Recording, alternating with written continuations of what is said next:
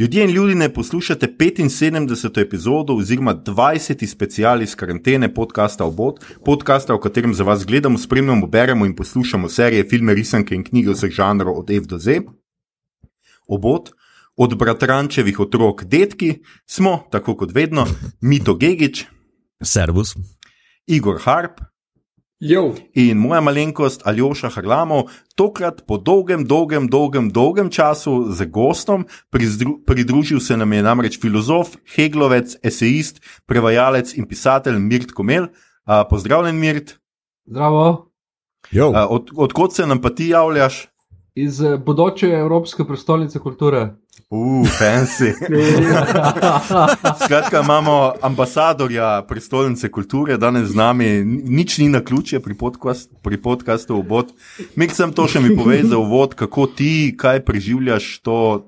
Ta čas karantene in vsega tega, a pišeš kaj lažje zaradi tega, bereš kaj lažje, filozofiraš kaj lažje. Uh, ma, časa je na pretek, tako da moram reči, da ne vem, nekako mi ustreza karantena, kar se tiče ustvarjalske žilce. Pišem kot nor, pišem več kot ponavadi, pa že ponavadi bi pravil, da pišem preveč. Uh, berem in seveda, da ostanemo na temi, gledam TV serije intravenozno, vsak vikend in delovni teden. No, take imamo najrajši, delovne in gledljive ljudi. Um, uh, skratka, 75. epizoda je že 20. special iz karantene. Če ste matematiki, jaz nisem, ne bom poskušal. Zdaj že lahko zračunate, kje bomo prišli do točke, ko bo več specialov iz karantene kot uh, rednih epizod. Uh, ampak, uh, kot rečeno, jaz tega ne bom poskušal, mogoče do naslednjič zračunam. Namenjen je našemu duševnemu zdravju, z njim pa želimo olajšati karanteno tudi vsem vam, ki ste te dni doma. Upamo, da to obdobje preživljate brez prevelikih pritiskov, finančnih in drugih, med svojci, zdravi, ljubljeni in na varnem. In vsekakor tole snemamo za vse tiste, ki si izolacije ne morete privoščiti, oziroma vam je kapitalizem ne privošči, pa tudi za vse pogumne in preobremenjene, premalo cenjene ljudi tam zunaj, ki se izpostavljate, da bi pomagali najšipkejšim, bolnim, pa seveda, da bi omogočili izolacijo vsem nam, ki imamo ta privilegij. Hvala vam, tega ne bomo in ne smemo pozabiti. Uh, v današnji epizodi bomo končno govorili o nemški seriji Dark z Netflixa. Gre za uh, prvo Netflixovo izvirno serijo v nemškem jeziku. Uh, govorili bomo o vseh treh sezonah, zato ste nas prosili, k temu ste nas pozivali, izseljevali ste nas in nam grozili, pošiljali belo snov po pošti, puščali konske glave v posteli, okuženi lizali kljuke in razstrelili Oh, avtomobil ali dva. In končno smo vam ustregli, ne ker bi se vas bali, ampak ker vas imamo radi. Samo naša ljubezen zahteva čas. Uh, če torej serije še niste gledali ali pogledali do konca vseh treh sezon, pa jo nameravate ali pa jo nameravate zaradi nas, potem za vas velja standardno pozorilo. Tudi ta epizoda bo vsebovala kvarnike. Če bi serijo prej pogledali, storite najprej to, gre za 26 epizod, to je klik za en vikend in se k poslušanju naše epizode vrnite pozneje. Če ste serijo pogledali ali pa je niti ne nameravate pogledati, bi se pa kakšno uro kratkočasili, pa se nam pridružite na poti skozi čas in svetove. Maestro, eno, ajne kleine nachtmuzik.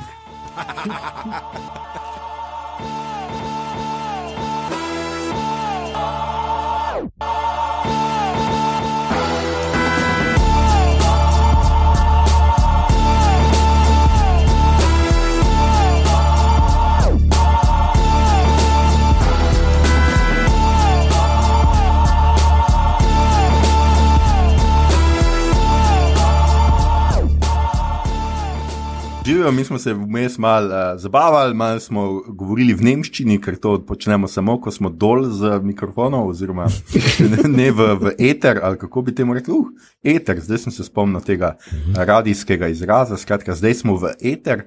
Um, danes bomo govorili o Darku, res. Uh, Do, nekateri ste nas res kar prosili za tole, um, spraševali, kdaj bo, kako bo. Uh, tudi ne na zadnje smo to skoraj da morali storiti, glede na to, da je to serija, ki je dvignila kar nekaj prahu, serija, ki jo precej ljudje hvalijo um, posod. In, in zdaj smo tukaj, no skratka, ustvarjalca serije sta Baran Bo Odar, ne vem, kaj je to za eno ime, skratka, Baran Bo Odar in uh, Jantje Frize. Ki sta prej sodelovala pri enem zanimivem filmu, ki sem zdaj le malo raziskoval, o njima Who Am I iz 2014. A je to slučajno kdo gledal? Mm, Ne. Mm. Naslov je skratka nemški naslov, je Who Am I, kein System ist sicher. Tako da gre za tehnotriler uh, o neki hekerski uh, uh, skupini, in v resnici, kar sem gledal, nima slabih ocen na, na pač vseh teh zadevah, ki podeljujejo ocene. Um, in to je to. Uh, jaz bom na tej točki pač zdaj pustil, da nekdo drug nekaj pove še o Darku. In sicer bomo poskušali en re, recap. Uh, Igor. Ja, Igor, jaz, seveda, jaz imam, Igor jaz imam za- super montažo za Igorja, kao, tako začne, a veš, pol pa tako rečemo vsi, uh, two hours later, pa je tako konec sezone. Uh, ne, ampak mislim, vse ne rabimo. Ja, se In ne rabi tak vse v- zgodbe povedati. Igor, eh, poskusi, no, da te slišimo. O čem torej pripoveduje serija Dark za tiste, ki so nadaljevali s poslušanjem epizode, pa niso gledali? Bistvu je ena ljubezenska zgodba um, o enem fantu, pa njegovi teti. Um, pa ni Game of Thrones. Um, skratka, uh, dogaja se v enem majhnem mestecu, ki, katerega najbolj uh, posebna zadeva je, da imajo jedrsko elektrarno. In v 80-ih je tej jedrski elektrarni prišlo do nekega dogodka, v katerem je nastala neka snov in uh, neka temna snov, in uh, hkrati se je odprl portal skozi čas. Um, dogajanje se začne 2019, uh, kjer potem je en pogrešen fant v tistem kraju, in potem še en fant izgine, ker gre skozi ta portal v 80. Uh, hkrati pa še en kup ljudi sem pa tja laufa in skratka ugotoviš pod tekom uh, serije, da se dogodki dogajajo hkrati 2019, 86 in 53 in ljudje potujejo sem in tja in vplivajo na um, dogajanje. Cel cajt z željo, da bi uh, priprečili, ampak uh, v osnovi vse, kar naredijo, je bilo nekaj, kar se je vedno zgodilo, sprva tako kaže, vsaj, da se ne bo dalo spremeniti, potem na neki točki se vseeno spremeni. Uh, in glavna protagonista potem pač uh, se izzrcali ta, ta elefant Jonas. Uh, in uh, Marta, ki sta neke vrste Adam in Eva, potem zato, ker sta skozi potovanje, skozi čas in med svetovi ustvarila celotno svojo dinastijo in uh, tudi pač celo štalo naredila. Na koncu se pa izkaže, da obstaja še en tretji svet, v katerem lahko vse skupaj popraviš, in uh, to nas bolj pripelje do srečnega konca. Okay. Tako da, ja, Proper. recimo, dajmo to nekako med kot osnovo. Ja, mislim, sej, sej tako kot ponavadi, ne, sej to je samo nek začetek, kjer uh, začnemo. Um, skratka, mm -hmm. zdaj bi pa mogoče prvi krok naredili tako kot ponavadi. ne. Zakaj je to serija, ki jo je absolutno treba pogledati, oziroma kaj je bilo res dobrega na tej seriji, da si je zaslužila vse te ne na zadnje kritiške, zelo, zelo visoke uh, ocene. Um, kaj je tisto posebnega, kar to serijo nekako uh, dviga, mogoče tudi na druge, ali kakorkoli, ali pa seveda, če se s tem ne strinjate, povejte drugače. Pa mogoče seveda začnemo ponovadi z gostom. Ne? Skratka, Mirt, zakaj si ti to pogledal od začetka do konca, kaj se ti je najbolj dopadlo v tej seriji in kaj misliš, da je pač res najboljša stvar, ali pa naj, da, da so najboljše stvari pri tej seriji, zaradi katere bi jo recimo jo priporočaš, vem, svojim kolegom.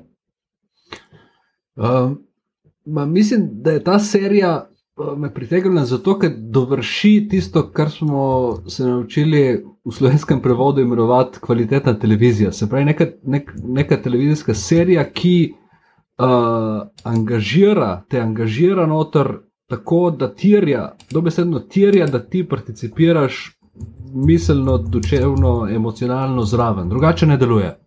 Dark ne moreš gledati preprosto tako, da ga gledaš. Pustiš, da se vrti in naj se odvija. Mhm. Če zraven ne razmišljaš, ne deluje, enostavno ne deluje. In, in ta interakcija, to, to, to, da ta serija tako tirja tako in, interakcijo od tebe, in tak uh, angažma, da si res uh, prisoten pri celem dogajanju in da poskušaš razvozlavati sproti uh, in odvozlavati vse vozle, ki se zavozlavajo, mislim, da to je tisto, kar bi tudi zaradi česar bi priporočil uh, to serijo mm. vsem. Mhm. Hey, cool. Hmm. Ja.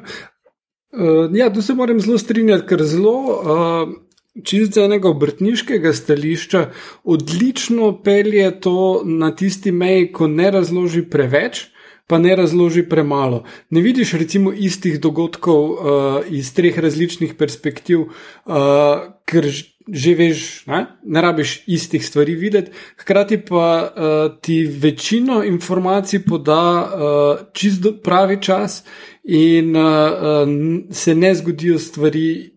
Pač čist nekak del seks mahina, uh, pač ono neočekivana sila, ko je uh, se iznenada pojavljuje iz pašova stvar. Ne? Zelo, zelo lepo se izogne takim stvarem, ki nimajo nekega smisla potem.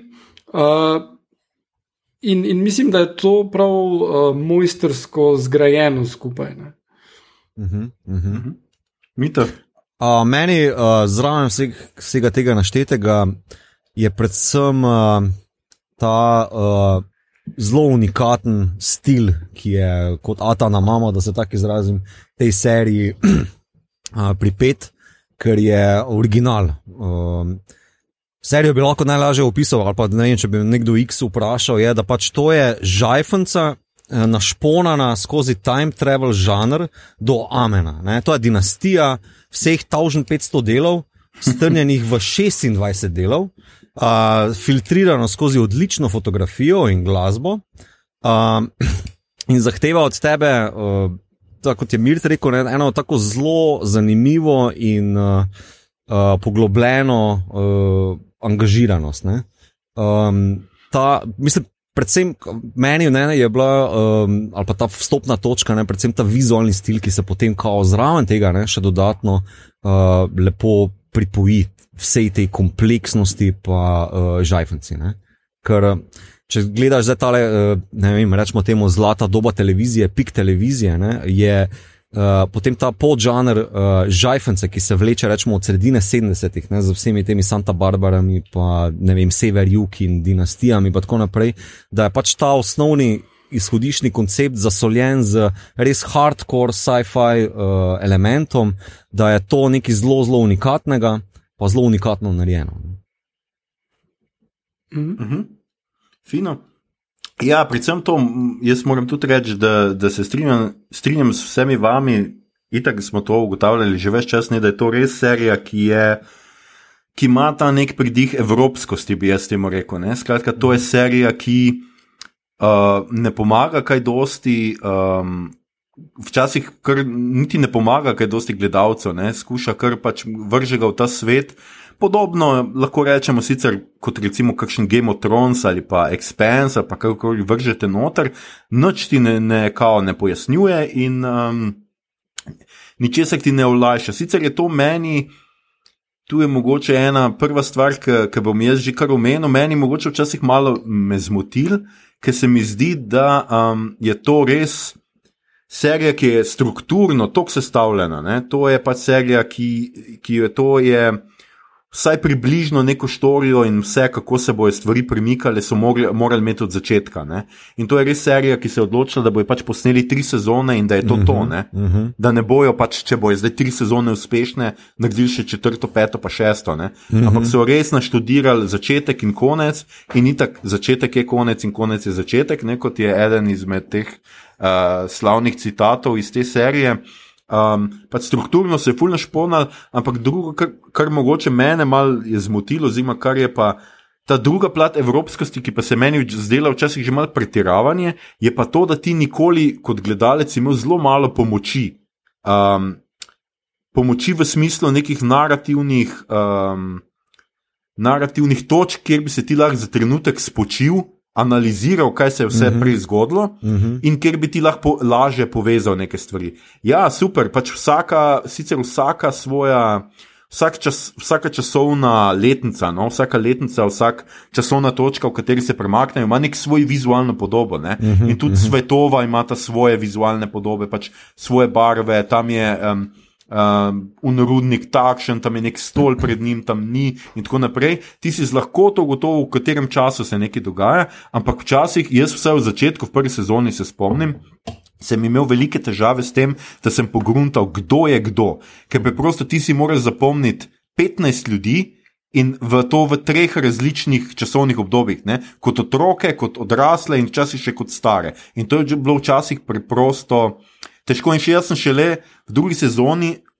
Je pa sicer res, da tudi odvisno, kako ste to gledali. Mm -hmm. Jaz sem pač imel to neumnost naredil, da sem prvo sezono pogledal, pol pa nisem druge, pa tretje a, sproti, ampak sem zdaj le šele na koncu pogledal drugo in tretjo in sem moral, ko sem gledal recap prve, sem še le v drugi sezoni se mi je res zdelo, da vem, kdo je kdo. No? Da vem, mm -hmm. aha, ta, zdaj sem pa zikar, ta je una, ki je una, ki je una, pa je povezana ja, z unim. Ja. To, to mi je bilo mogoče malo ta neka evropska, ampak se mi zdi, kar sem hotel tle zdaj, ful predolg no, povedati, je to, da obstaja neka razlika med ameriškim načinom delanja a, serije ali pa filma. Ali pa česar koli, no, umetnosti, in med evropskim. No, in da, da je to mogoče, tisto, kar so plusi tukaj, je ta evropski način uh, delanja serije, ali se ne strinjate z mano? Um, če smem, uh, jaz, bi, ja. jaz bi tako rekel, jaz, jaz bi mogoče malo drugače to formuliral, ne, da pač ta serija od tebe zahteva res na mah uh, ruker. Uh, da vmes uh, pauziranje med sezonami, kot je bilo pri meni, ne, ker sem pač sezono pogledal takoj, ko je prišla ven, in jaz sem pač tretjo sezono pogledal, torej junija, če se ne motim, maja. Ne, um, čas, ki je vmes med sezonami, škodi, je, ne dela tebi v prid. In je v bistvu serija ravno zaradi tega sodobno naravnana, oziroma naravnana na sodobnega uh, mm. konzumenta uh, TV vsebin, uh, ki pričakuje, da je uh, od prvega dela do zadnjega dela, do 26. Uh, naredil celoten legwork sam. Uh, torej, da si ne vzame tega časa, da niti ne spremljaš sproti. Ta serija ne želi, da ti spremljaš, pa si vzameš čas sproti, ampak da jo spremljaš na mah naenkrat, ne, da jo kot eh, eno celoto povzameš. Meni se to zdi, da je ta neki sodobni um, pristop do tega, ne, da, to, da to želijo avtorji od tebe, da se posvetiš popolnoma zgolj temu. Uh, ja, ne, mislim, da, da je tu razlika uh, pri tem, da je plot driven. Uh, zato, ker imaš ti kompleksno strukturo zgodbe, ki se ti izrisuje in moraš se odcajt paziti na to. Medtem ko pri serijah, kjer pa pa še imeti malo prediha, -huh. recimo, ko smo imeli Lovecraft Country, pa je vsak del. Uh, celota zase na nek način, je v drugem žanru in ima neko drugo družbeno sporočilo, ponavadi. In je to nekaj, kar je fajn, da ti imaš par dni uh, časa vmes, da reflektiraš na tem. Medtem ko serije kot je Dark, pa so namenjene temu, da. Jaz sem jo binžno bolj ali manj, par -hmm. tednov sem rabo, ker pač uh, um, life. Uh, ampak uh, uh, mi je dost lažje bilo, ampak tudi kljub temu, da sem ta gledal, smo iste težave kot Aljoša. Sploh zato, ker sem si v glavo utepel, da je nekdo not Patricija in nikoli nisem vedel, kdo, ker ni nikogar, ki bi mu bil Patricija. Uh, ampak ja, se zgodi. Aha, to je pol, um, pol si imel, kaj že, kako se temu reče, Mandela efekt. Ja, mislim, da je. Takega, ne? Ja. No, okay. ne, tudi jaz se ne spomnim nobene patricije, Igor. Me se je ni, vem. Uh, tukaj je mogoče, tukaj je mogo, pardon, samo to še bi dodal. Uh, tukaj je mogoče res ena ta razlika v teh serijah, na, kot naprimer uh, Mandalorian ne, ali pa neke take bolj popularne, mm -hmm. ki pridejo tedensko ven, ker one serije ti skušajo še prodati nekaj več rečemo, groguja ali pa neke plakate ali pa nekaj levo-desno. Dark, ja. Dark se s tem ne ukvarja, Dark je zelo hermetičen. Ne? Je zelo vase zaprt in vase zagledana zadeva, ki želi zgolj tvojo pozornost. Ne rabi tvojega keša, to mu je že Netflix dal. Ne? Veš, tako, um, Ampak jaz bi imel majhnega Jonasa v rumenem plaščku. jaz bi imel, tisti, jaz bi imel tisti rumen dežni plašč, ne sem prav Super zgledajo. Sam, a ni to isti dežni plašč, ki je bil v IT? Ima, a ima žutega, ima Ja, ne, zelo tam spomnim, ja. ne, rdečega. Ja, ja. Ja, pa un, Ja. Unbreakable, ne, vse ima zgodovino. Ja, točno, Desert ja. No, Best action hero. Unbreakable, super, ja. Uh, Ker sem hotel sem glede tega, da bi se strinjal, da je evropska od glave do peta, ampak še bolj natančno kulturno-geografsko locirano, zelo je nemško. No? Mislim, prej smo se hecali, imaš te nemškosti, ampak mislim, da je nemška skozi in skozi in po filozofskih referencah, ki jih uporablja, od uh, Hegla do Ničeja, Heideggera in tako naprej, ko gre za pač prespraševanje samega koncepta časa. Uh, do dizajna in tudi do tega, česa se ogne. Ne? Zelo zanimivo je, recimo, um, um, mogoče to kasneje, ne? ampak način, kako potujemo skozi čas, skozi celo pravzaprav 20. stoletje in delamo v 19. pa delamo uh, 21. Uh, ampak zelo se ogne tistemu najbolj krucialni travmi cele nemške zgodovine, kar je druga svetovna vojna, mm -hmm. nacionalsocialistični režim, konzervacijska taborišča in tako naprej. Ne. Gre pa na čist drugo travmo, gre na vprašanje uh, uh, nuklearke in atomske energije ne, in kaj vse to prinaša zraven. Uh, ampak mogoče to za kasneje, ta uh, uh, uh, odnos do gledalca, uh, mal je tako motherfuckerska serija v smislu, lej, taka sem, ne, taka sem, glej me, če, me, če ti niso všeč, pač ne gledati. Ne, ne ukvarja se s, z, z našimi občutki ali pa z našimi mnenji ali pa z, z našim dostopom do tega in hoče ja to popolno involviranost noter, ampak mislim, da vendarle je na nek način, mogoče ne user-friendly, ampak European user-friendly. Uh, ker predpostavlja v bistvu nekega omikanega, izobraženega uh, državljana Evropske unije, da tako rečem. No, mislim, pred, predpostavlja neko minimalno, da rečem tako, gimnazijsko izobrazbo. Ne, neke osnove uh -huh. moraš že imeti, zato da, da se ne zdaj izgubljaš v tistih citatih, ki niso tako zelo deep kot mogoče američani, ko gledajo in izpostavljajo Poroteja, veš, mislim, the beginning is the end and the end is the beginning. Ja, ok, ne, mislim. To ni jako modro, to je, kako bi rekel, uh, story-driven statement. Uh, tisto, kar pa nam daje, ne, če, če, mislim, moja izkušnja je bila, jaz sem gledal na razmiku enega leta in si ponovil gledanje uh, uh, pred novo sezono, prej je prišla ven. Uh, uh, s tem, da je tretja sezona prišla dobro, na srečo sredi poletja, ampak sredi te pandemije, ki terja od človeka kar en kos možganov, ne, tako da mogoče bi bilo za pogled še enkrat. Uh, ampak uh, mislim, da pa lepo stopnjuje, ne, da, da se tako izrazim, stopnjuje kompleksnost. Ne. Ti da na začetku neke zelo osnovne, en mulj zgine, ga najdemo mrtvega v drugem časovnem pasu, drugi mulj zgine, ugotovimo potem, da je to oče od protagonista, ki hoče rešiti in svojega malega prijatelja, za katerega izkaže, da je njegov lasten oče. Ne?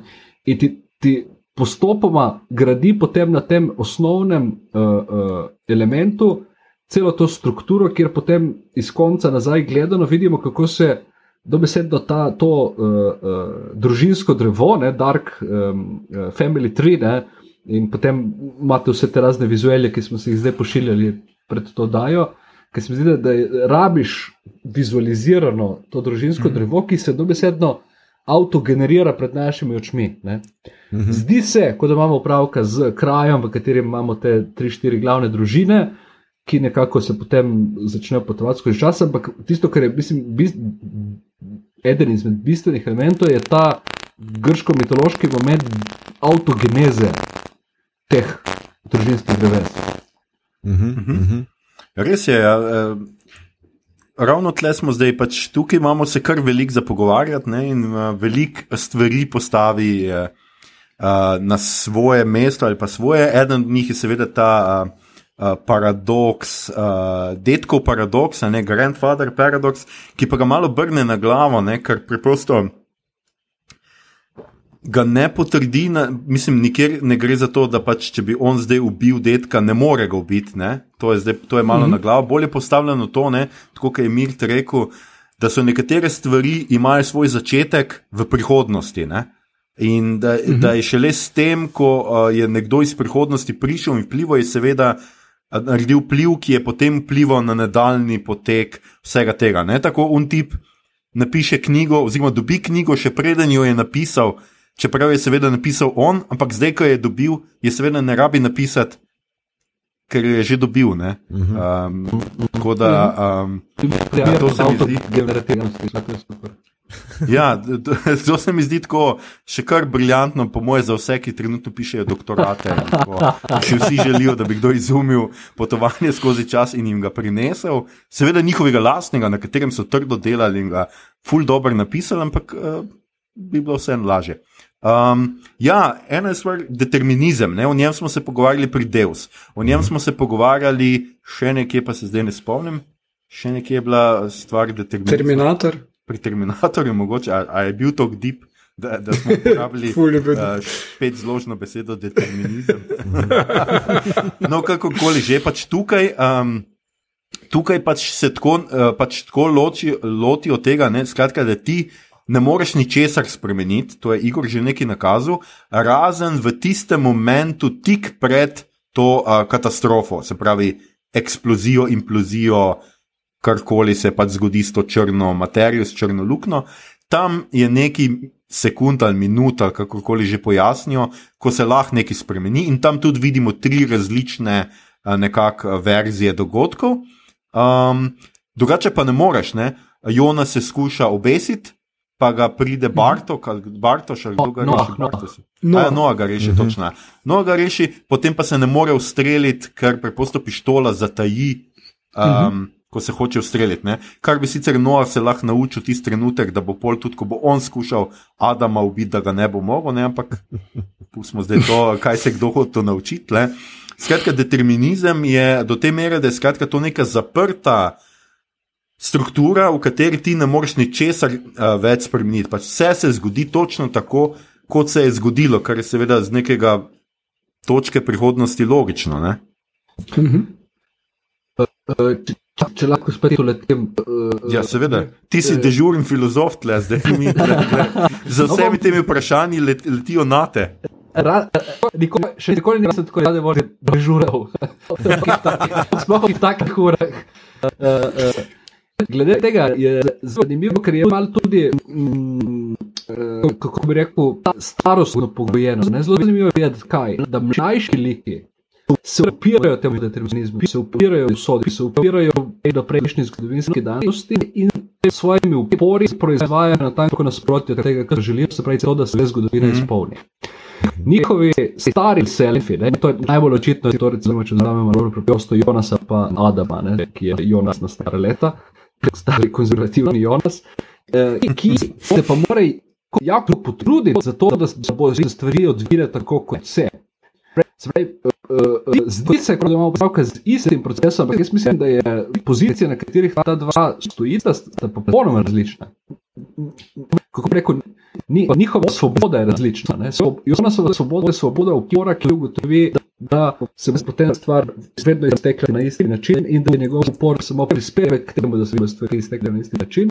Ta stari Adam, ko, ko pa intervenira, poskuša preprečiti, da bi se stvari zgodile drugače, zato da bi se zgodilo isto. Ergo obstaja možnost, da stvari bi lahko bile tudi drugačne. In obstaja vsaj en lik, ta bi bila, mislim, zdaj v pripravah na to sem še enkrat v pogledu prebral par stvari, ki so bile zapisane na neki YouTube prispevku. In bi se strinjal s tistimi, ki zagovarjajo, da obstaja vsaj en agens v celi Dark seriji, ki je svoboden in to je Klaudija. Klaudija je pravzaprav edini svoboden lik, kar se izkaže, da uh, pravzaprav imamo ne, v prvi, slash drugi sezoni imamo Jonas versus Adam, potem imamo uh, Adam versus Klaudija, ta najbolj makro šahovski špil Darka. V zadnji sezoni imamo Adam versus Eva, en svet versus drugemu, kjer pa Klaudija se znova pojavi kot tista, ki igra šah z obema. In poskuša izkoristiti ta loophole, ne vem kako obstaja dober slovenski prevod, malo sem prej začikal zabavo, kako bi to prevedel. Je, uh, Mislim, da je zgolj časovna zanka, ne vem, če imamo kaj boljšega od tega. Ma, evo, imam jaz predlog, uradno prvič v javnosti, za vse bodoče knjižne in TV prevode, vozeluknja. Za best. No, to imamo najraje, bomo, bomo dali v naš slovarček. Vozluknja je loophole. Okay. Vozluknja v Darku je točka, ki jo Klaudija nagrunta, da je to točka, kjer lahko Adamu in Evi pove, da obstaja način, kako se postaviti na stališče tega tretjega sveta, ki je izvorni svet, pravi svet, iz katerega se razcepita Adamov in Evin svet.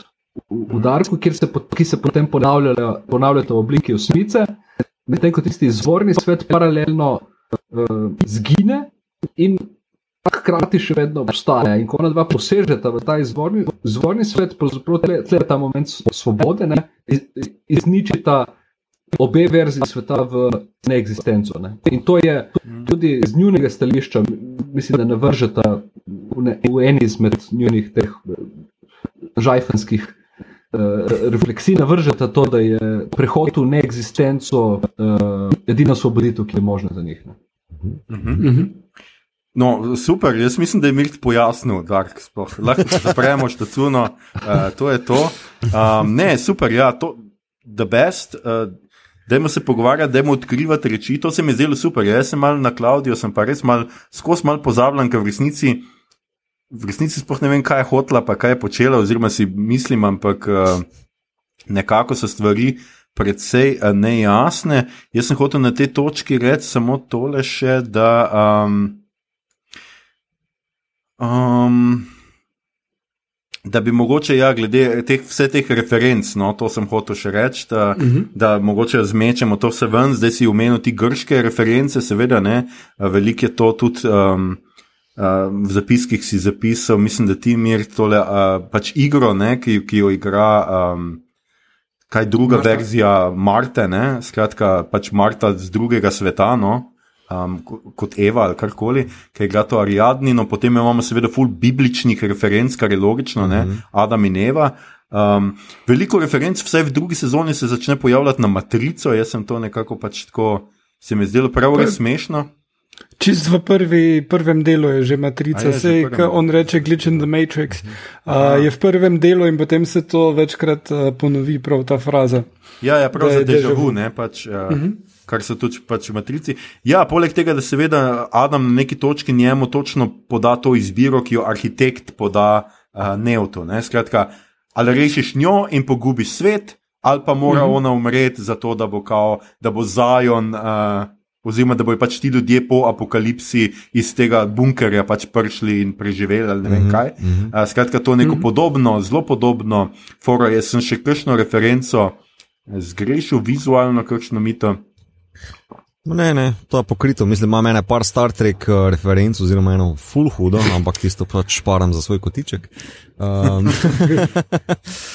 um, ne, meni, uh, za onkraj teh referenc, meni je ta, um, mislim, da sem enkrat v naši debati zelo cinično pribil, kaj meni ta grand koncept ali pa dizajn uh, Darka uh, nekako nagovarja, ne, da je v bistvu to neka da je Dark uh, samo evropsko preizpraševanje svojih uh, protofašističnih uh, ali pa protohistoričnih uh, korenin. Veš, vsi ti liki so tako zaljubljeni ali pa tako pognani v svoje izvore, veš, iskanje svojih originov. Ne? Kljub temu, da je zelo hermetično, full zaprto v to zanko, oziroma kako smo rekli, v ta loophole.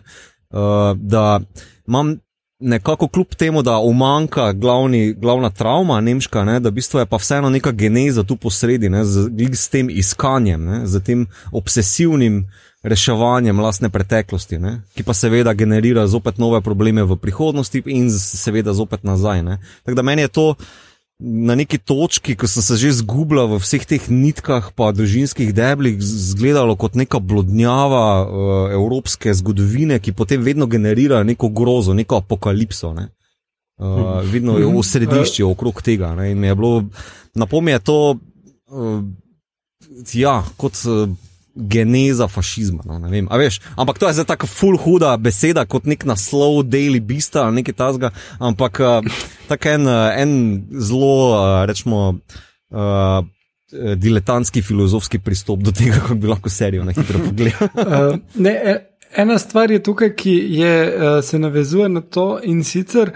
Jaz sem gledal veliko raznih nemških filmov in filmi praviloma prikazujejo družbo, kot je.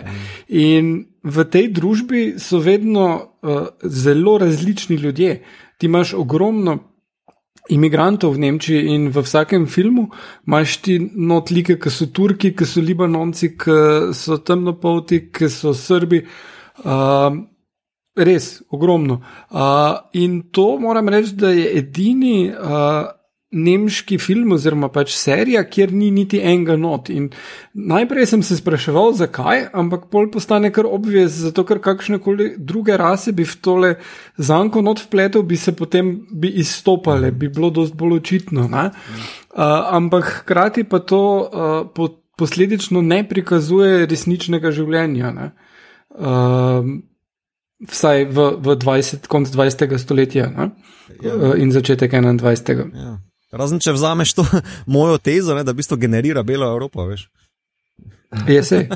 Ne, se, jaz mislim, da je diagnoza pravilna in to, da umanka ta del najbolj, najbolj traumatičen in uh, odkrito fašističen del nemške zgodovine, v tem je indic tega, da, da, da je tukaj nekaj, nekaj tega na delu. Ne, tako, pravi eh, stara žiško-skolakanovska mantra, ne, označevalec manjka je, manjko označevalca je tudi označevalec manjka. Ne. To, to, kar tukaj umanjka, še posebej v, v tako, eh, č, takem časovnem razponu, ne, eh, s katerim operira Dark, ne, to, kot da ni vmes se zgodila druga svetovna vojna, ne, je uh, pomenljivo. Ne. In tudi to, da se potem avtogenerira ta rodbina, ne, tako rekoč se sama potegne kot baron Munhausen za lase gor, recimo za primer, uh, imamo tukaj odprto to družinsko drevo in lahko vidite povezave, ampak eden izmed teh najbolj očitnih, uh, Elizabet, ne, ki je hči od Šarlote in Petra, potuje skozi čas, ima z Noahom hči, ki jo da Tanhausu, temu, ki izumi časovni stroj in ta hči bo potem uh, uh, rodila Šarlote. Se pravi, ona je sama sebi lastna babica. Uh mhm. Tako rekoč, še en primer te avtogeneracije, kot poprej ali še, ki si omenil knjigo od tega Tanhausna, ki jo dobi uh mhm. že napisano. Uh. Uh -huh. Sama sebe se knjiga napiše, sam sebe se, uh, sama sebe se Elizabet, tako rekoč, porodi. Ne? In to je. V bistvu, če vzamemo in malo parodiramo, eh, ko bi rekel, fašizem na slovenskem, uh -huh. kaj, kaj se zgodi, ko slovenski fašist gre gledati v zgodovino, ne, slovansko, recimo temu, ne, kaj bo našel tam na začetku, je seveda slovenca, samega sebe. Ne. Sam sebe sem rodil skozi to iskanje svojih izvorov. Ne. Nice. No, no, naša bo veneta, da moramo uh, jasno postaviti stvari. Sicer pa čakamo še vedno na tisto prilogo demokracije, ki nam bo vse pojasnila, celo družinsko drevo slovencev. Uh, tako da, um, Počakaj, en jok se mi je nazaj. En jok se mi je porodil, ja. kaj reče venit slovano. I am your father, veš. uh, um, Loka. ja. Uh, Igor, ti si pripravil celo, uh, domnevam, da si to bil ti, no, zdaj smo celo malo več pisali ja. po scenariju, celo vrsto vsega tega, uh, teh uh, filmov in serij, ki se poigravajo s časom, oziroma potovanjem s časom. A je kaj primerljivega, Darko? Um, ja, ta de determinizem ne, uh, je najbolj očiten v Luperju časovna zanka, to je Gordon Levitt in Bruce Willis, uh, pa v 12 opicah, uh, kjer je spet Bruce Willis. Um, Tako da izven del Brusa Willisa pa nikaj ne ste. uh, uh, Luper se, uh, ob, pri čemer sta oba filma zanimiva iz tega stališča, ker uh, se gre za cikl, ki uh, se zaključi, torej v 12 opicah glavni junak kot otrok vidi, kako bo on umrl uh, v prihodnosti, ko bo uh, potoval skozi čas. Uh, in v Luperju uh, podobno on s tem, ko proba ustaviti uh, vzpon uh, tega morilca, ga ustvari. Ne? Ampak oba filma se končata s tem, da Bruce Willis umre ampak dejansko reši uh, zadevo. Tam na koncu 12 opic vidimo, da je tale uh, znanstvenica, ki je njega pošiljala v, na letalu z uh, tem, ki hoče svet uničiti, in isto v Luperju vidimo, da uh, dejansko Emily Blunt preživi in torej mogoče njen uh, sin ne bo postal psihopat, ki bi time travel uporabljal za to, da ubija ljudi. Uh, uh, podobno tudi Terminator. Ker uh, kao prihodnost ni napisana, čeprav pol z naslednjimi filmi so to pač malo čudno naredili vse skupaj, predvsem nekonsistentno in, in tudi nesmiselno, ampak uh, ta prvi pa, pa drugi film sta imeli neko to idejo, da lahko spremeniš prihodnost, čeprav uh, prihodnost ustvarja preteklost. Ne. Tako da nekako uh, to. Um, ne vem, se še vi spomnite, katerih podobnih filmov?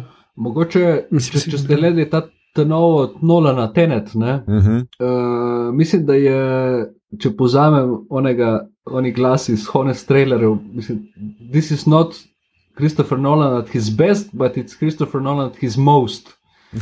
Ni, ni, ni najboljši Nolanov film, je pa najbolj Nolanovski Nolanov film v tem, mm. da kar se tiče igranja s časom, ne, res noro vizualno prikaže to, kar je premisa vseh teh filmov, vključno z Darkom.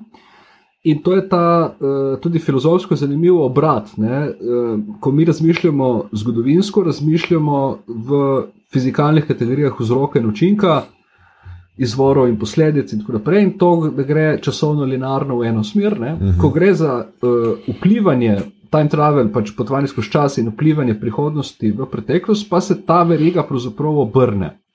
Ampak uh mhm. -huh. mi imamo vedno in v Terminatorju, in v Darku, in v drugih filmih. Preskok, ne? vedno nekdo skoči nazaj in potem skozi, se priključi nazaj v ta čas in vpliva uh, uh, linearno skupaj s tem časom.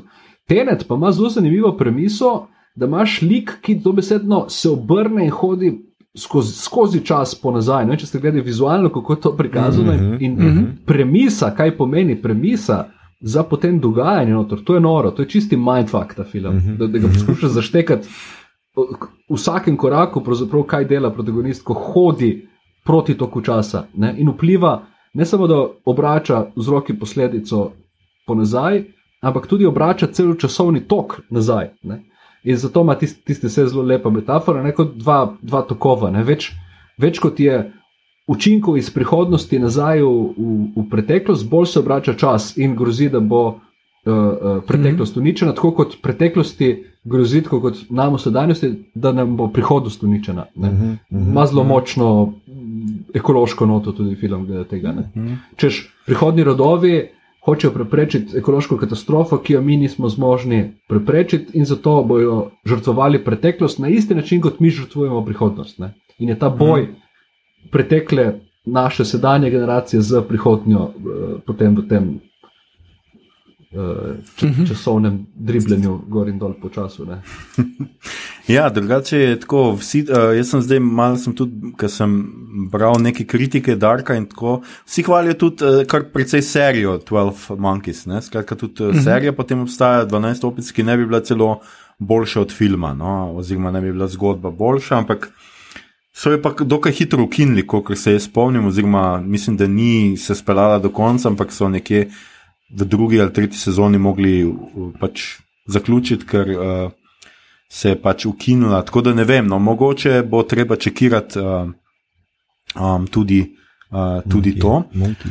No, zdaj bom jaz mogoče kar začel z nekaj temi uh, negativnostmi, no, stvari, ki pa meni niso bile. Uh, kolega Aljoša, jaz bi nekaj tu spostavil kot um, ena. Um, ker pač v vseh teh time travel eh, konceptih, ki jih imamo, ne, neki štrli ven, uh mhm. -huh. da pač uh, to sem vam že v četu rekel, kako bodite pripravljeni na to vprašanje, ker po fiziki gledano, ne, se pač time travel, ko ti vstopiš nazaj, proizvaja druge resničnosti. Ne. Zdaj Dark to nekako izpostavi, ampak rečemo Back to the Future 2 pokaže rečemo, na nek koncept. Ko ti vstopiš, pa začneš nekaj spremenjati, generiraš uh, druge zadeve. Sporedno vesolje. Sporedna vesolja, ne? to je pač uh, kvantna mehanika. Ne? Zdaj, Dark se s tem ne ukvarja, direktno. Dark tudi ni um, ga, kako naj rečem, uh, matematično, fizikalno, zgolj obstransko se po robovih dotika tega mehanizacije, tega elementa, ne? torej uh, vseh teh um, rovov. Pa črnih luken, pa ne vem kaj noter, ne? samo zgolj podajo ga kot um, orodje za uh, pripovedovanje zgodbe. Uh, ampak je pa razlika, ne? a veš, uh, uh, do, kako naj temu rečem. A sem se samo hotel v loophole, mogoče. Ja. ne, meni, meni se zdi, da v, bistvu v teh time travel zadevah imamo, smo vsaj do teneta imeli dve varianti. Ne, ali greš nazaj, nekaj poštimaš, pa živiš isto, bolj ali manj isto življenje, kot si ga poprej, ali pa generiraš alternativno resničnost. Ne. In uh, mhm. mislim, da Dark tukaj kao. Uh, uh, potrjuje ta, to fikcijo, ki je ločena od uh, matematične fizike, ne, naše realnosti, ki, ki pač vemo, da generira alternativne uh, uh, resničnosti. Ne, torej, vemo, da bi potovanje v preteklost generiralo alternative, ampak uh, generira pač literarno fikcijo. Ne, veš, uh, ker pač vsak, vsak uh, izlet. V prihodnost ali pa v preteklost, predvsem v preteklost, potrjuje um, originalno izhodišče. Um, Am I making any sense? Ja, ne, ne. Uh, ja, ampak vse to vrstnih uh, zgodb, uh, del je bilo že full prej. Uh, kar je tukaj, uh, recimo, ena najbolj znanih zgodb je By His Own Bootstraps, uh mhm. -huh. zdaj se ne spomnim točno. Uh -huh. uh, avtorja, kjer je pač cela zgodba, da junaku pomagajo razni ljudje, za katere potem ugotovi on, da so bili on sam. Uh -huh. um, Ampak um, kar je tukaj drugače, je ta, to, da upelje to tretje vesolje. Mm. Uh, naše, mm. kao, ki se razcepi na, na tista dva, ki sta potem prepletena. Uh, in to se mi je zdelo zelo nepričakovano in sveženo. Zdi se mi, uh, ker Dark ima eno zakonitost na teh 33 let. Uh, ta, uh mhm. -huh zanka, ki se, eh, oziroma ta možnost, da zgolj greš 33 let naprej ali pa nazaj, eh, pa magari to podvajaš uh, ali pa potrujiš, eh, ampak da veš. Eh, uh, Ni za Adam, naprimer, toliko sposoben skočiti vmes, pa mogoče tam kaj mešetariti, ne? ali pa Marta, da vmes uh, kaj drugega mešetari. Ne? Da so res, a veš, da so zgolj Marta iz drugega sveta, oziroma Eva, ima tisti, tisti okrog, time travel, ne tisti advance, s tistim se da preskočiti mhm. 33-letno. Je, je izjema, je ja, ne uporabijo, ja, ja. to je res, je ne uporabijo mm. dosti, da bi zdaj, uh, kako bi mhm, rekel, mm -hmm. da bi drugi svet mešetaril s prvim, s to tehnološko prednostjo, take taj mašine, ampak mm -hmm, je. je. Mm -hmm. Ja, ok. Um, um, uh, ponižno uh, mojo tezo umikam. Uh, uh, drugače pač zelo preprosto. Ne? Se pač ta determinizem ne omogoča pač sporednih vesolij in to je to. Uh mhm, -huh, pač, uh mhm. -huh. Če se vse stvari zgodijo samo na en način, se zmeraj zgodijo na en način. Razen seveda v tistem trenutku eksplozije. Ne? Tam se zgodi, uh -huh. da pač enkrat Marta. Marta ustreli Jonas, ne pa zbeži, enkrat je, je ni no, nobene Marte in gre, enkrat pride druga Marta pon, enkrat ga Adam odpelje. Skratka, tam v tistem mhm. momentu, v tisti hiši so, mislim, da ene tri ali štiri različice. Mhm. Um, mhm. pa tudi tisto ne spremeni kaj dosti, ne? se na koncu mora iti nazaj in uničiti to izvorno vesolje, ravno zaradi tega, ker pač ne glede na to, kaj, kaj naredijo, ne naredijo pač spremembe. Oziroma, Ja, to, to, to, je, to je po mojem najbolj zanimiva točka, točno ta vozeluknja, kjer naj bi bila sprememba možna. Ne? Ker, uh, mm. ko rečeno, jaz, jaz se strinjam s tistimi interpreti, ki trdijo, da, da Klaudija je edina, ki je pogruntala, kako narediti razliko. Ne? In to je, da v tistem vozluknji spravi Adama in Evo do točke, da se vrneta v izvorni svet in da gresta na, na tisto časovno točko, ki je razlog, zakaj se časovni stroj sploh izumi. In to je smrt od Stanhausa, uh, sina, sina. Pa, pa žene in, in, in njunega, njunega otroka. Uh uh -huh. In uh, uh, v tem se potrdi Dark, mogoče kot, kot bolj kot. Potovanje skozi čas se potrdi kot, uh, vi bi rekli, žajfence, jaz imam mogoče malo bolj, boljše mnenje o, o romantičnih dramah. To ni slabšalno. no, vem, ampak. Uh, za me je. ja, okay. Ta emocionalni motiv za izum časovnega stroja ne, je mogoče tudi malo odgovor na to vprašanje, ne, da v ozadju celega potovanja skozi čas in celotno mehaniko, fiziko, ki stoji zraven, je vendarle nek, neko človeško čustvo. Ne. Tud, uh -huh. tud, ko bi rekel, tudi znanstveniki so, celo znanstveniki so emocionalna bitja in to Dark potrdi Uh, z točno to radikalno. tezo. Če mu ne bi, če mu ne bi umankala, če ne bi doživel to smrt v družini, prometno nesrečo svojega sina, bi ne izumil časovnega stroja, s katerim je hotel preprečiti natanko to smrt. Kaj se zgodi? Natanko to, da izumi časovni stroj, s tem po dolgih treh sezonah prepreči smrt svojega sina in hkrati izum časovnega stroja, kjer se potem stvar sama ukine. In uh, mislim, da to, kar dela tretja sezona, kar je zelo težko za narediti, ampak če prve dve sezone prikazuje, kako se celotno družinsko drevo in, da, in ta svet Vindena avtogenerira, poskuša tretja sezona dekonstruirati nazaj do tiste točke, kjer potem imamo opravke samo z tem izvornim svetom, brez teh dveh alternativnih realnosti. Ne?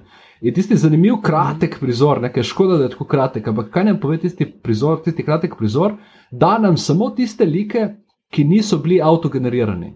Se pravi, mm -hmm. izvorne prebivalce Vindena brez časovnega stroja in vseh teh vozlov, ki so jih proizvedli. Ne. Nice. Kjer se bo pa znova rodil Jonas. Kjer se pa znova rodil Jonas in to je že mogoče ta cliffhanger za sezon 4, če jih bo. Upam, upam, da ne bojo padli v skušnjavo. No, upam, da ne bodo padli v skušnjavo. Uh, Amerika, ena- Amerika je država skušnjav, Hollywood pa je, kako bi rekel, ta uh, uh, uh, ringmaster. Ne? Ja, samo, Ja. a veš, Nemčija je pa država discipline.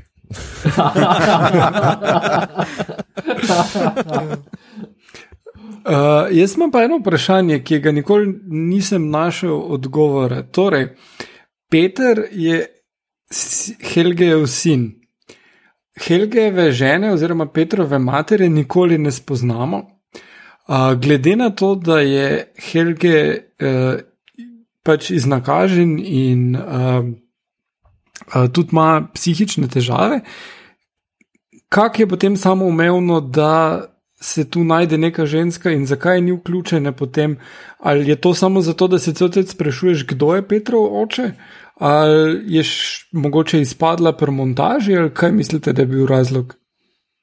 Uh, uh, sprašuješ, kdo je Helgova žena, kdo je mati od Petra? Ja, ja. Tega ni not. Šel sem potem gledat po vseh teh, je neko ime, nekje omenjeno in da se nikjer ne pojavi. Ej, um, No, priznam, glej, da, srce. priznam, da nisem segel do, do tja uh, in kudos uh, za ta um, tangentni uh, Madhouse. ne, ne, res nisem o tem študiral. Priznam. No, se je roko na srce velike takih, ne? Uh, kar mene pač, in to sem hotel prej začeti, kar mene pri tej seriji pač predvsem moti, je pa to, da je veliko niti, ki jih kljub tej zelo natančni strukturi, kako so naredili vse skupaj, kako so povezali, pa so veliko je niti, ki prvič se iz, grejo v slepo črevo, skratka, nekdo potuje nazaj, pa je ona, ki jo ubije njena lastna mama. Pač tisto nima nobenega smisla, tista njena štorija nikamor ne pelje, nič ni s tistim, nič ne vpliva na nobeno, uh, na nobeno. Um, Na glavno štorijo, tisti je sam dodaja k neki zakompliciranosti serije, to je prvo, drugič pa je kup nekih neodgovorjenih vprašanj. Tudi nikoli ne zvemo, zakaj Noa muči une otroke uh, in Ne. jih pobija. A? Recimo, ne? Uh, Imamo odgovor. na, na, na, naslednje, na, okay. samo naslednje. Mm. Uh, Noah testira eno, č, eno časovno mašino. Tisto je ena preizkusna časovna mašina, Ja. ja. ki jo testira. Vprašanje je, zakaj jo testira na otrokih, je zato, ker se privlači duhovnika, kaj pa drugega. Ampak, Oh, oh, uh, ampak reče okej. okay. nekje v seriji, reče nekje. Ne? Tako kot ne moreš izumiti avta, če nisi prej izumil kolesa, tako ne moreš izumiti te dovršene oblike časovnega stroja, če nisi prej te umestne faze imel in to fazo izpolnjuje Noah. Ne? Izumlja nek prototip, ki je nujen za to, da pridemo potem do unega časovnega stroja, ki deluje. Ta časovni stroj deluje, ampak pobija in oslepi ljudi in jih pošilja v, uh, uh, skozi različne, uh, uh, različne časov, časovnice. To je sicer Ampak- res, ampak uh, kako Noa to svoje znanje tega časovnega stroja preda komu? Na koncu časovni stroj vseeno izumi uh, Jonas sam globoko v preteklosti. Uh, Ne? Eh, ne. Noah izumi drug časovni stroj, Tannhaus s katerim on pride nazaj v preteklost, uh, da ga lahko njegova sestra potem ubije. Uh, in uh, tudi Helge pošle na eni točki nazaj, zato da sam sebe ustavi. Uh, kar je pač vse v sklopu tega lupa, uh, in on zgolj z tega, ste, uh, to je edini razlog, zakaj on dela časovni stroj.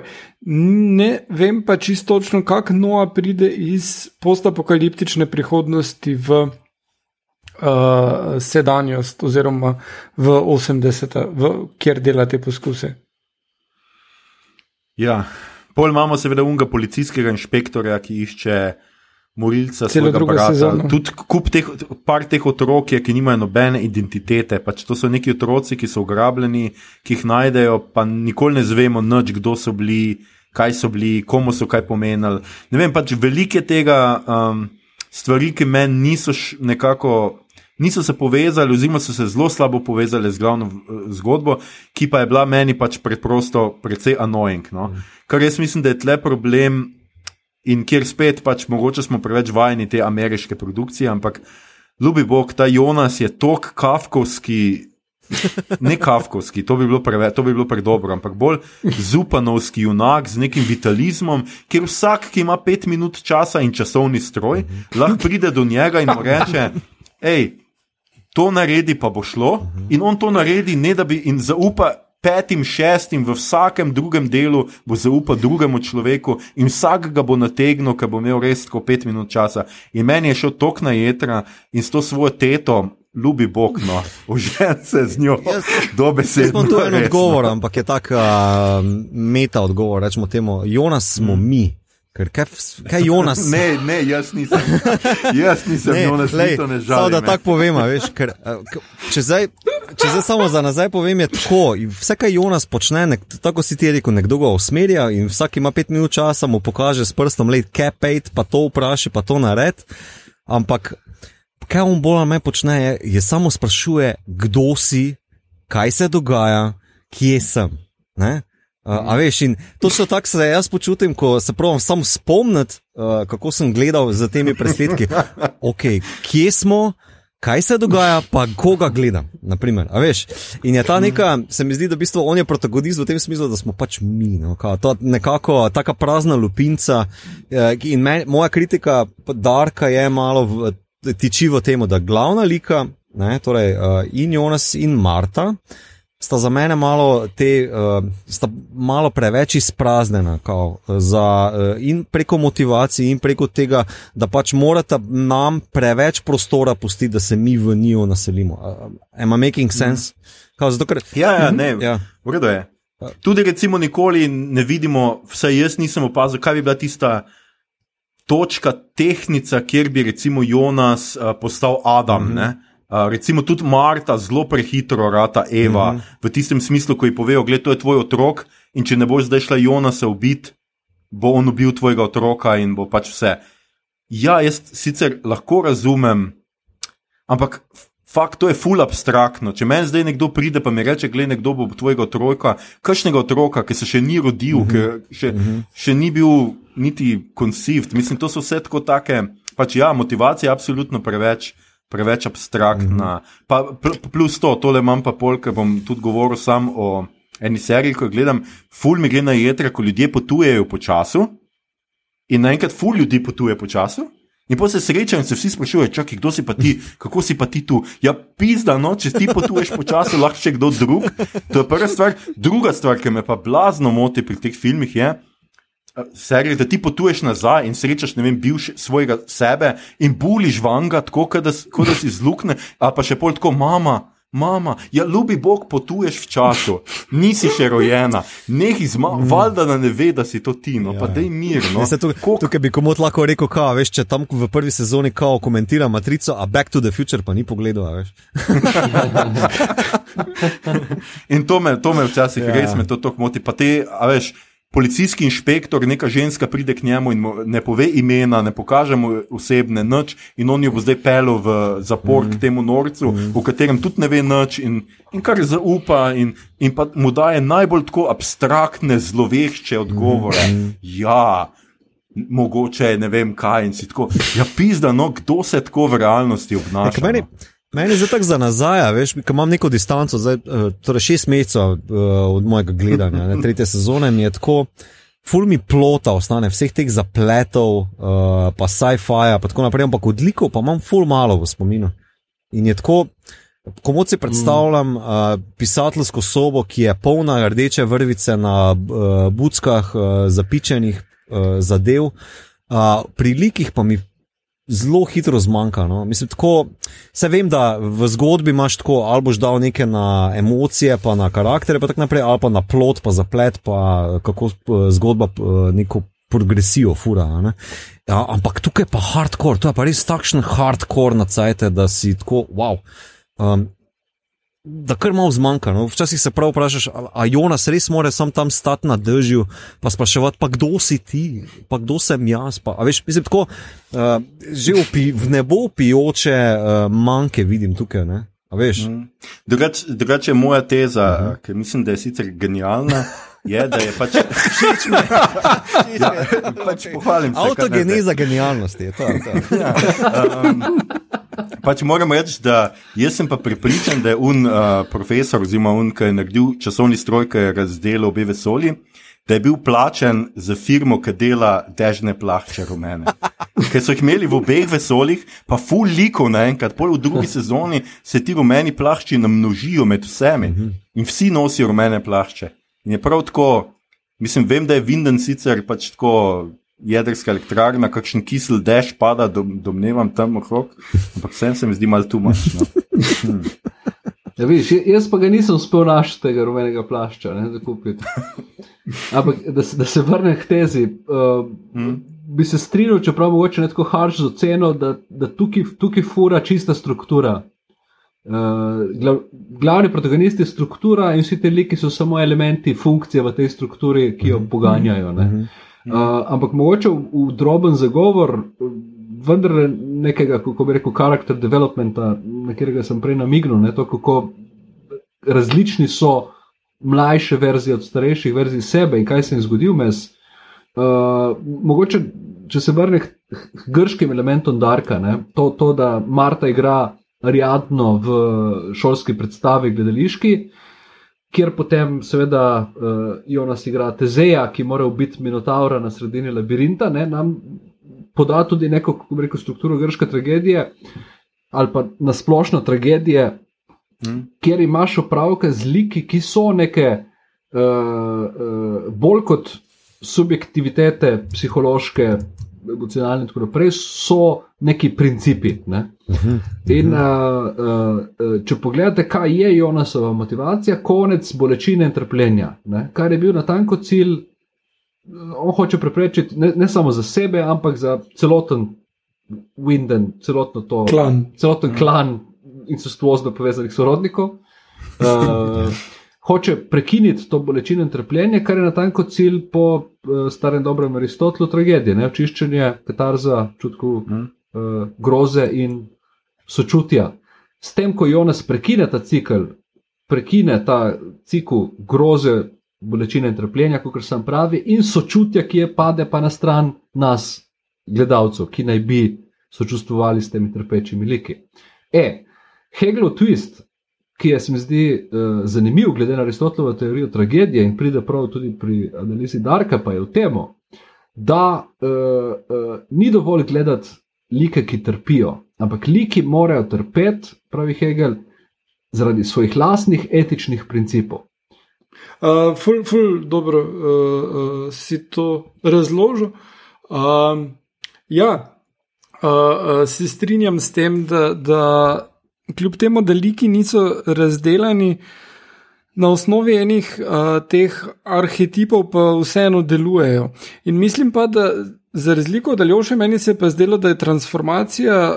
Um, Jonasa v Adama vseeno dost vidna in zgodi se sicer tam v tistih letih v 19. stoletju. Tam vidiš, da vedno bolj trpijo, vedno bolj se prepirajo, in pač on pride počasi do tega, da potem svojo mamo beg spravi. Ne? Kar je, mislim, da ono glavni klik. Pol, ne. Jaz pa bom ali še štango držal, bom tako rekel, da pač um, um, ta um, sprememba iz protagonista v antagonista ne, je bolj ali manj izvedena na neki vizualni ravni, ne, uh, v sopostavljanju.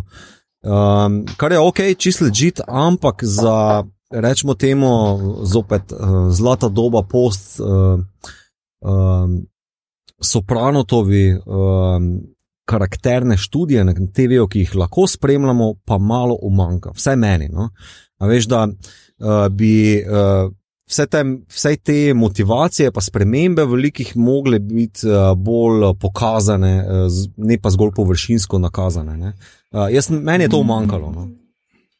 Ne, to, to se strinjam s tabo, ker ko- prej, ko smo se menili o melodrami, pa žajfenci, med meni so tipičen primer tega, da je totalna.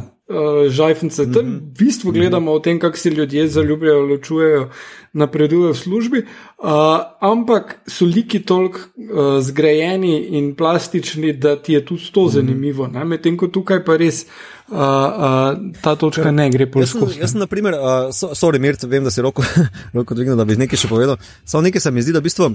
Uh, um, Je pa zanimivo, da napram zdaj te res v narekovajih žajfenca sistemu, kjer pač, oh, jaz sem tvoj brat, pa kao moja sestra, ki je prišla od mrtvih, pa ne vem, whatever, ne, jaz sem tvoja, ne, bla bla. Um, je pa uh, zanimivo, da so tle ta osnovni liki v prvi sezoni, ki jih spremljajo, ki, jih- ki jih prva sezona zelo dobro vzpostavi. Ne? Vsi so zelo pomembni. Tako da tudi na koncu ne, uh, uh, imaš feeling, da uh, je ta pomembnost kar dobro razporejena, kljub Adamu, Evi in tako naprej. Ne?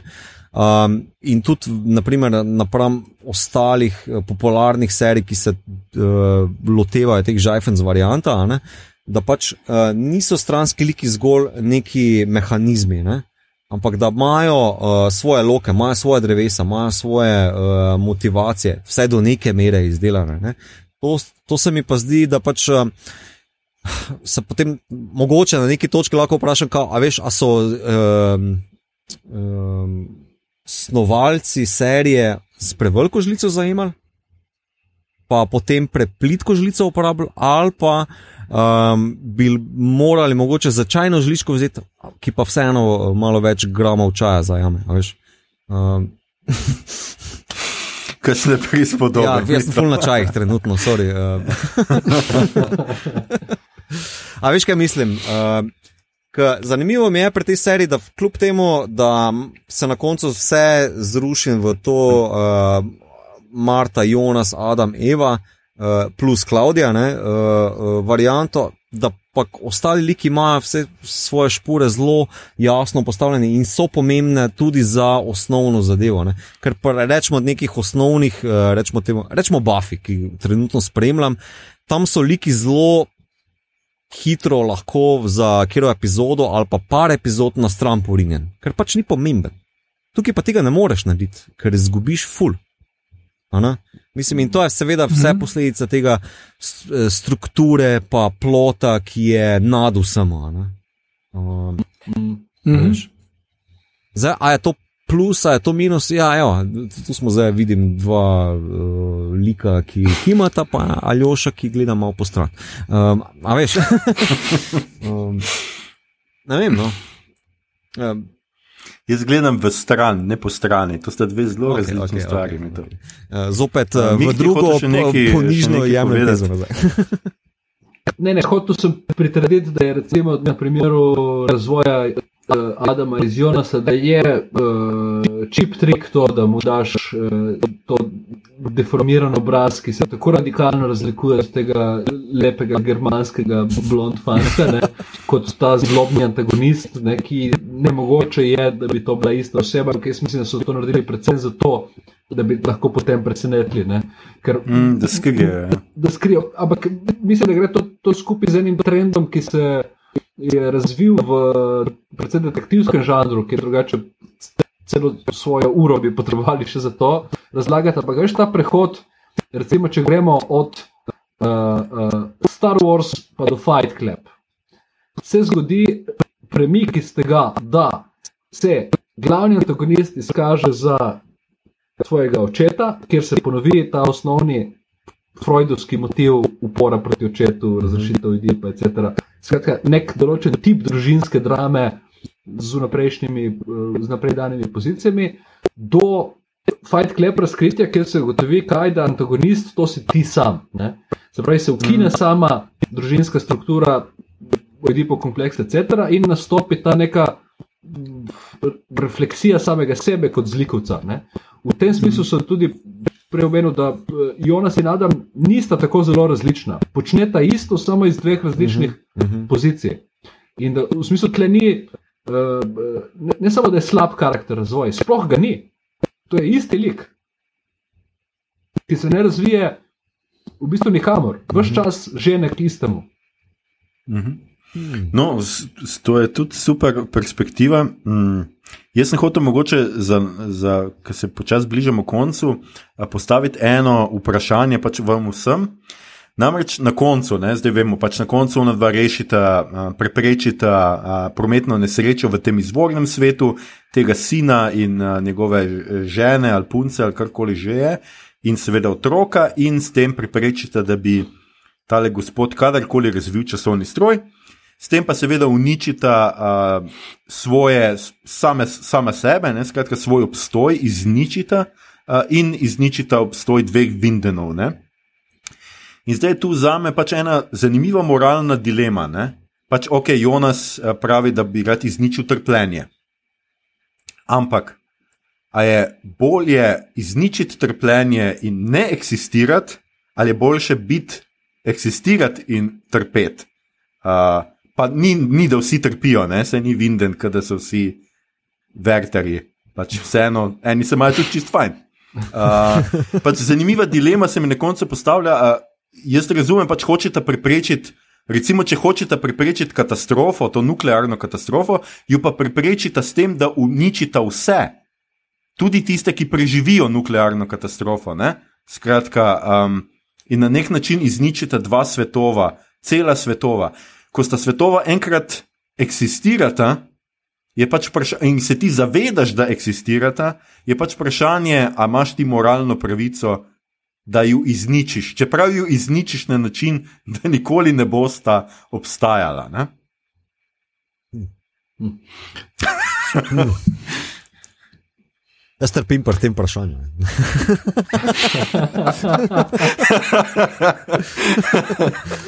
um. Ja, če bi probil iz etičnega vidika, v tretji sezoni vsaj vse čas podarjajo, da Adam in Eva sta začetek in konec. Mm.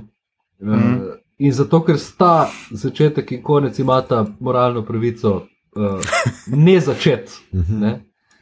Uh, Okay. S čimer pridemo na, na tisto star, zopet star, starogrško osnovno vprašanje. Uh, najbolje je ne biti rojen, ne? ta iz Sofokleja, pa se ponovi še v več drugih delih. Mm. In potem imaš ta judovski twist. Ne? Ampak kaj je ta sreča doletile redke? Kaj, kaj, pomeni, kaj pomeni ne biti rojen? Ne? ne pomeni preprosto iti iz ne biti ubit, ne? tako kot mhm. smrt ne pomeni preprosto iti iz biti ubit. Napak si predstavljamo ta moment ne biti rojen. Mhm. Jaz mislim, da to, kar Adam in Eva, slash Jonas in Marta naredita, je da ne rodita. Izbereta raje ne biti rojen, kar ni isto kot ubiti vse. Mm -hmm.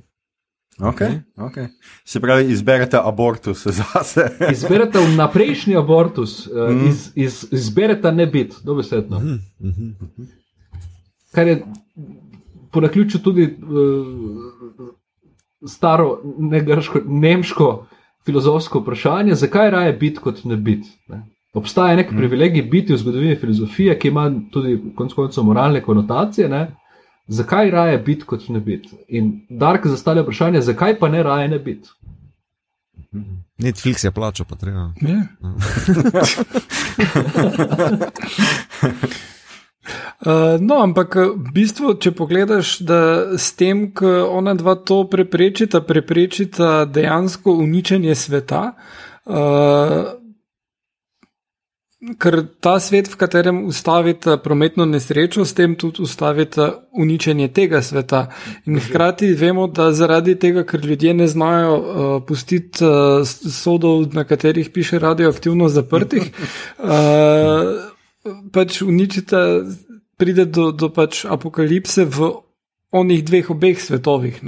Tako da to je nekako dobro, da ustaviš. Uh, uh, izničenje enega sveta in apokalipso na dveh.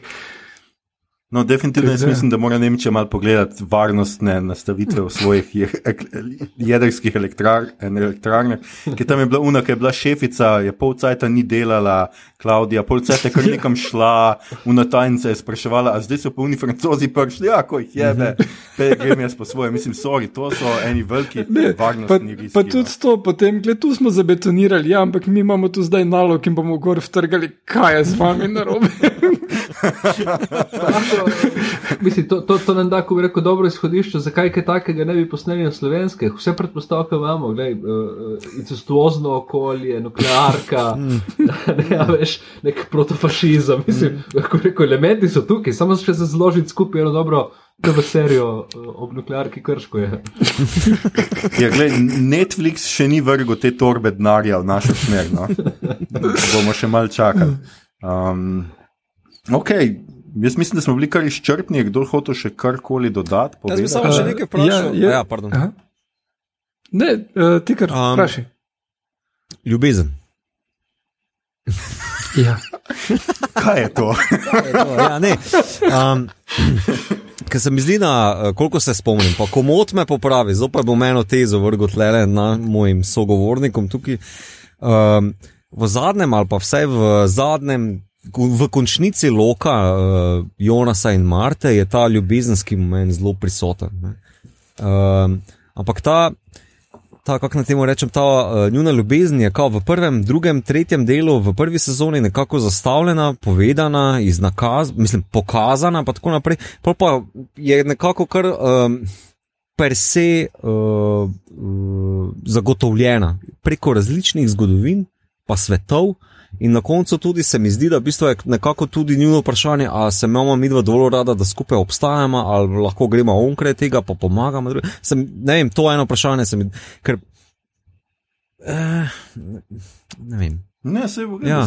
Ker to se mi zdi, ja. da pač. Uh, Ta dva lika sta zelo zmedena, pa se mata rada, pa tudi kljub njunim prešušniškim uh, zadevam, ne, uh, se vedno najdeta. Ne? In nikjer ni nekih garantov pokazanih, ampak pač kot neka omniprezentna, rečemo skoraj da biblična uh, navezava, fatalistična navezava, uh, da se zopet najdeta, da se imata vedno rada preko. Časa in prostora, in fizike, in matematike. Ne? In se mi zdi na koncu ta uh, ta moment, predvsem zadnji del, ko že one eh, kresničke padajo na njih od dva, kot tako zelo čaroben in magičen. Tako tak da nekako, to je Mirt prej rekel, veš, kao, da a, a se ona dva odločata o biti, ne biti, kao ne, je ta uh, ljubezenski moment mogoče v, temu, uh, v tej enačbi malo umankan, kljub temu, da nam serija non-stop skuša povedati, ona dva se imata rada, ona dva se non-stop iščeta, kljub temu, da se včasih porežeta, ubijeta, iščeta. A veš, mislim, tako je. Uh, Tako zelo, nič nismo o tem rekli. No. Mm. Uh, Taka je ljubezen, nisi gledal ja. Merit Story. Mislim, tam se režejo, prepirajo. Uh. Sem pač ni lukne v knov. ja. po, poleg tega si ti zagovarjaš Interstellar in to, da ima čist vredu konec. Ne, ne.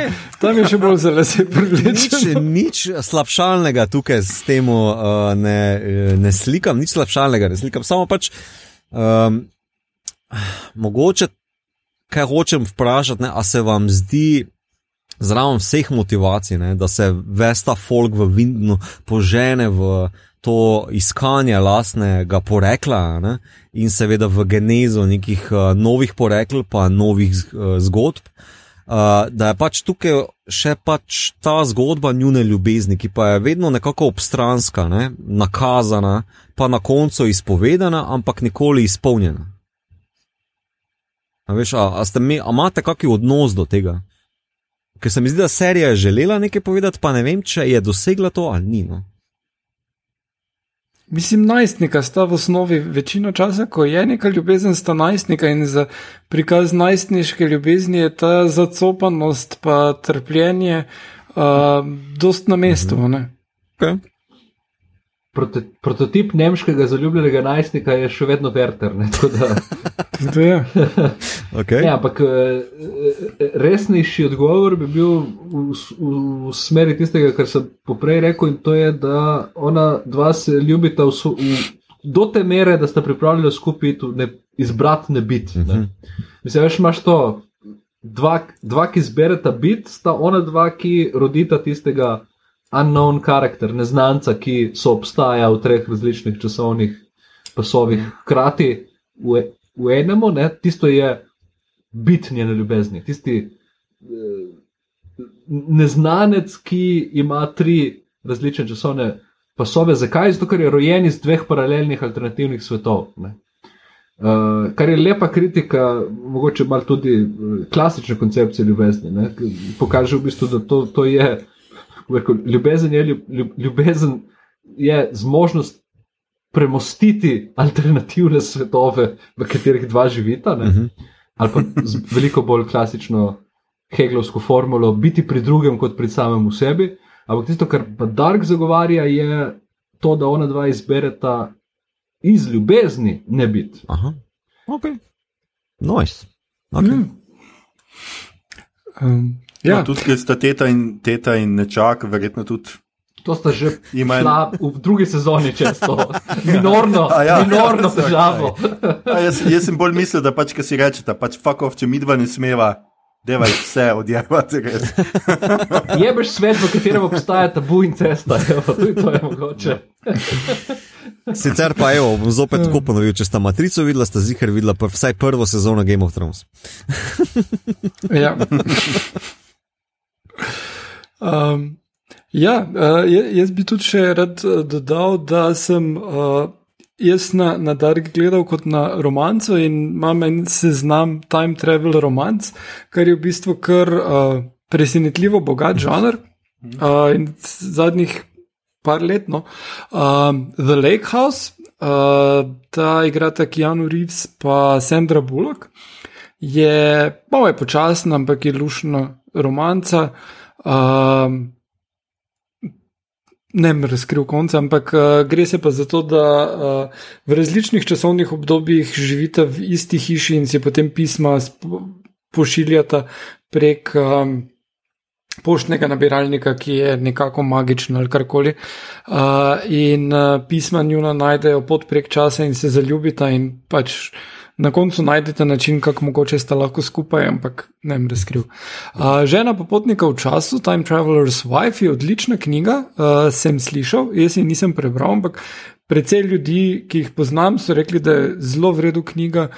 Uh, film je pa tak, tak, je ok, uh, igra pa.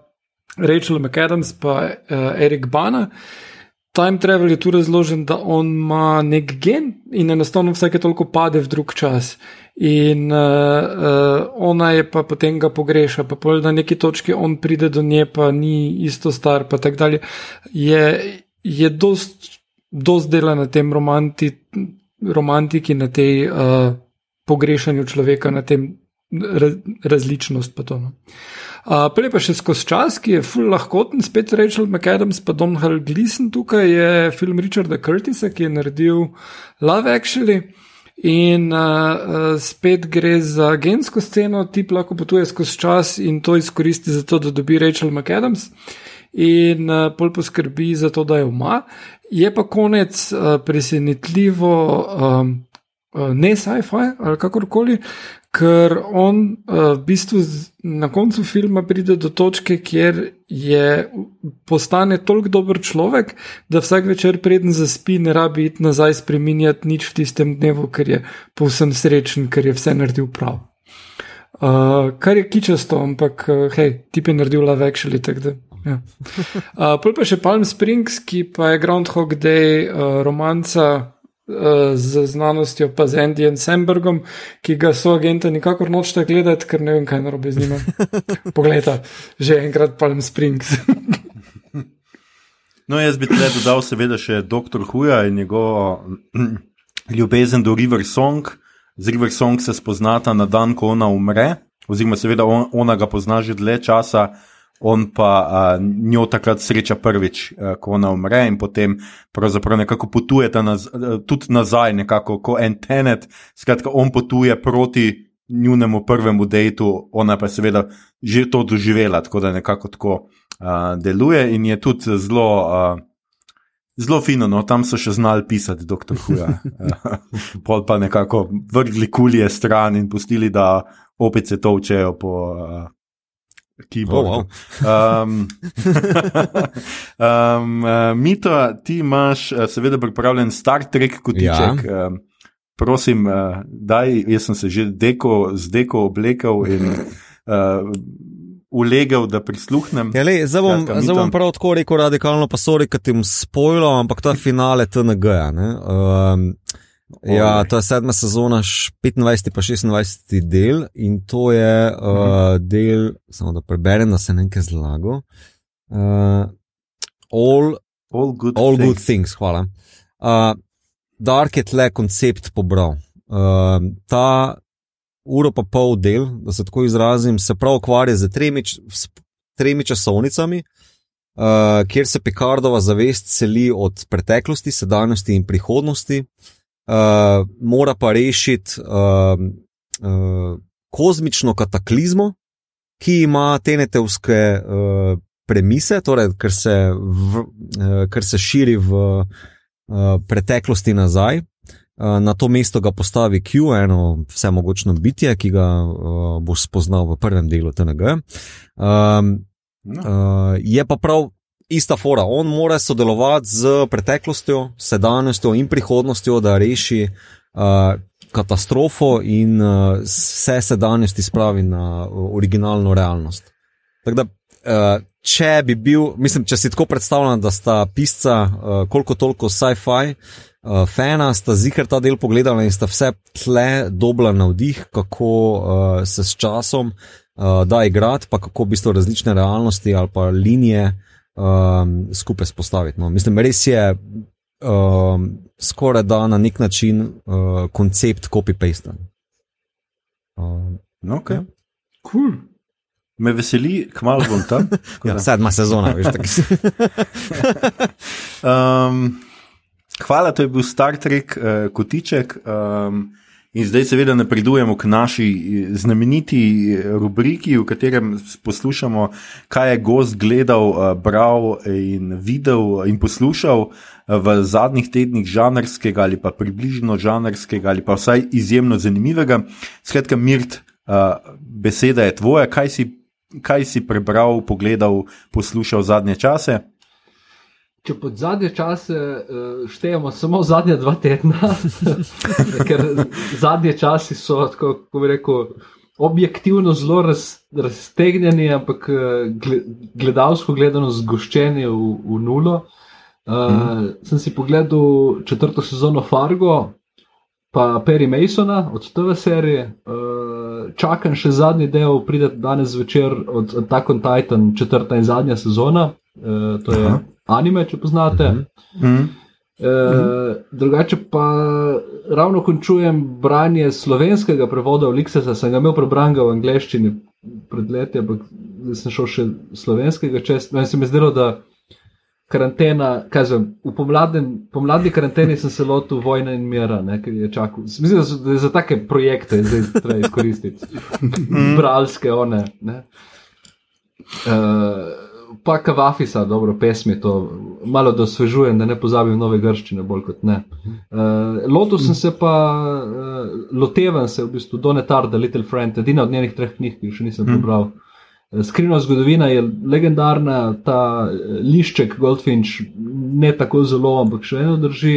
The Little Friend pa je, mislim, da ena, ena izmed tistih neznanih biserčkov, crime slash detective murder mystery novels, mm. uh, ki obeta veliko.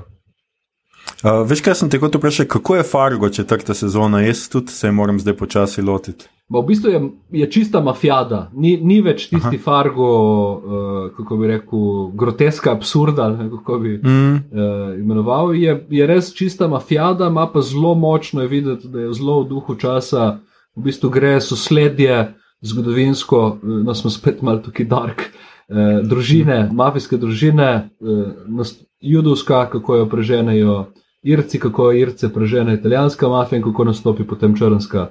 Uh, in od tukaj naprej se potem odvija to. In iz tega vidika je zanimivo.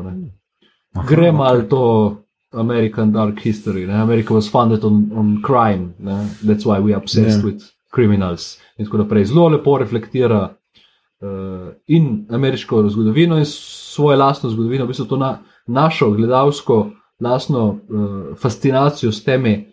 Eh, novodobnimi BDS-i, ker vemo, da novodobni leki in v teh serijah in filmih ne more biti enoznačni good guys več. Ne? To je mm. stvar 80-ih, mm -hmm. to je mhm. stvar Stallona, Schwarzeneggerja in the good guys from the 80s. No?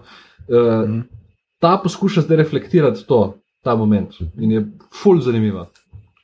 Aha, okay, no, sem, ni pa več klasičen Fargo. No? Ni, ni klasičen Fargo. No, okay, pa sej tle so bile kar dokaj različne sezone. Da, Nekaj si napisal tudi, da poslušaš.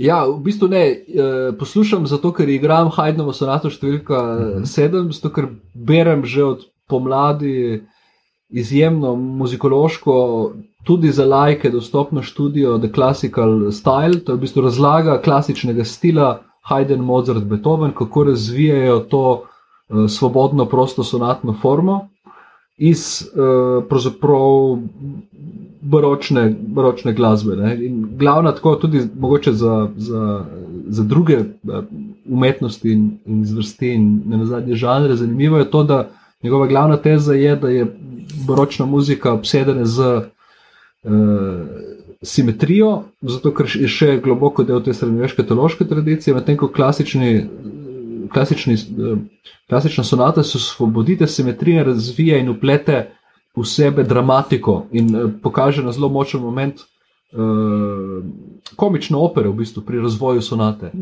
Zaradi tega jo poslušam, ker jo tudi igram, ker se reče, da malo amatersko igram tudi klavir in zopet karantena je čas za take projekte. Mm. Se učim na pamet, rad bi šel enega, enega kako bi rekel, klasičnega Hajdna, enega klasičnega Mozarta, pa enega klasičnega Beethovna. In potem mogoče bomo že ven iz karantene. Zdaj sem pri prvem. no, ok. Veš kaj, še, za konec sem še eno vprašanje, no, ker te imamo zdaj glih tle, pa da, bo, da bo ta rubrika enkrat tudi kaj gledamo, beremo, poslušamo in pišemo. Skratka, Mirt, kaj, a ti pripravljaš kaj novega v, v kratkem? Uh, Pravzaprav, ja, v, v pomladnem delu sem zaključil s pisanjem, zdaj stvar v lekturi naj bi dobil v kratkem ven, tako da bi spomladi morala iziti pred zgodba k Mecočiju, ne boste verjeli. Mm -hmm. Detektiv Dante, to je malo mal v stilu Fire Walk with Me, Peaks in mimo grede Peaks je moja sugestija za, za neko bot, nekoč v prihodnosti ali po kakšnem paralelnem svetu. Glej, gotovo enkrat pridemo tudi za nas, je ta karantena neznansko dolga, tako da ne na zadnje se mogoče lotimo Twin Peaksa. Bom pa tako rekel, no, zelo se veselimo knjige in bomo eh, prebrali, in mogoče se kaj slišimo v zvezi s mhm. knjigo. Mm -hmm. Jako rad. Ja, ja. Super. No, super. Ja, ja. Um, Igor, ti si na vrsti, kaj si ti pogledal, prebral v poslušal v zadnjem tednu, kar se nismo slišali. uh, ja, torej, pogledal sem film One Night in Miami, ki je prišel na Amazon in ga lahko toplo priporočam. Uh, da je tako fajn karantenski vibe, ker uh, je v glavnem štorija o štirih uh, tipih v sobi. Um, ampak te štiri tipi so kul, cool, ker so Mohamed Ali, uh, Sam Cook, uh, Malcolm X, pa uh, pozabil sem še en igralec, oziroma glih je na točki, ko se odloči, da bo pusto šport in postal igralec. Um, in uh, je super narejeno, režijski prvenec uh, Regine King, ki je v Watchmenih imela glavno Mhm. vlogo. In uh, mislim, res, ful je vredno narejeno, ful je uh, fajn humor, noter pa tako eno. Pogled ti da v eno družbeno situacijo tistega časa, uh, tudi Malkoma X-a uh, in Mohameda Alija, in kako je bilo njuno razmerje, zelo, zelo zanimivo in zelo dobro, tako da ful priporočam. Um, potem pa uh, sem glavnem gledal Dark, ampak medtem pa je, pač imamo otroka, ki veliko glasbe posluša in bere in to. In, uh, Tudi te stvari pridejo do mene, in bi torej priporočil še tri stvari za vse, ki imate uh, otroke. Uh, in sicer prva, najbolj sveža je uh, Repki, torej Trkaj Igor Saksida, pa ilustrator Igor Šinkovec. Gre za knjigo in CD, kjer so slovenske pesmi prirejene v rep. Izvedbe za otroke in je zelo kvalitetno narejeno, ful zabavno, uh, zelo dobre metafore, ritem, uh, glasbeno je tudi fajn narejeno. Uh, Res, v redu, uh, super, super otroška literatura, da tako rečem. Uh, nič manj slabo, podoben kombo CD-ja in knjige, Frane Milčinski Ježek in Nana Milčinski in ilustratorka Mojca Fo, uh, Nanine pesmi, to je par let staro že. Uh, in spet gre za pesmi, ki jih je Frane Milčinski napisal svoj vnukini Nani, ona jih pa odpoje potem. Uh, tudi zelo lepo narejeno, uh, ful priporočam, lepe pesmi, krasne ilustracije in uh, tudi ful dobra izvedba. Uh, tretja zadeva, pa mislim, da najstarejša, gre pa za uh, plato od Katalene in Cibenci Katalenci. Najdete jo na vseh teh streaming servisih ali pa tudi na CD-ju, kar je fajn imeti za avto. Uh, in je uh, pač so priredbe nekaterih pesmi iz teh knjig Enci, Benci na Kamenci. Uh, ki so uh, pač otrokom res blazno všeč, in uh, so dosti tega nonsensa enoter, ki je zelo fajn za spodbujanje kreativnosti. Uh, Katalena pa so pač en bolj ali najboljših slovenskih bendov, po mojem mnenju, in to uh, lepo naredijo. Tako da ja. Ja, ok, lajbak so boljši. Ne, ampak nisem, kako si zašel na levo. Ampak, ok. Mi te bolj mislijo, kakšne henčke ali pa štajske. Orleki. Tujskih, tujskih nekaj. Ja, tujskih sedem. Najmanj. O. agro, pol, pol, pol. Mi smo, mi smo pravlični. Uh, Mito, hvala Igor uh, za poročanje. Mito, ti si še vedno vidim, da pri Yes. Buffy. Buffy je zakon. Zdaj si v šesti Šeste sezone sezoni. sem pogledal, sem že na sedmi, ampak um, torej Aha. nazad, prejšnji teden sem povedal nekaj o peti. Uh, zdaj pa šesti mi je všeč, ker je šlo zelo naprej. Um, mislim, da sem na zadnje omenil, da ne vem, kdo je bad guy in pač ja, uh, se je izkazalo, da je pač moja ljuba Willow.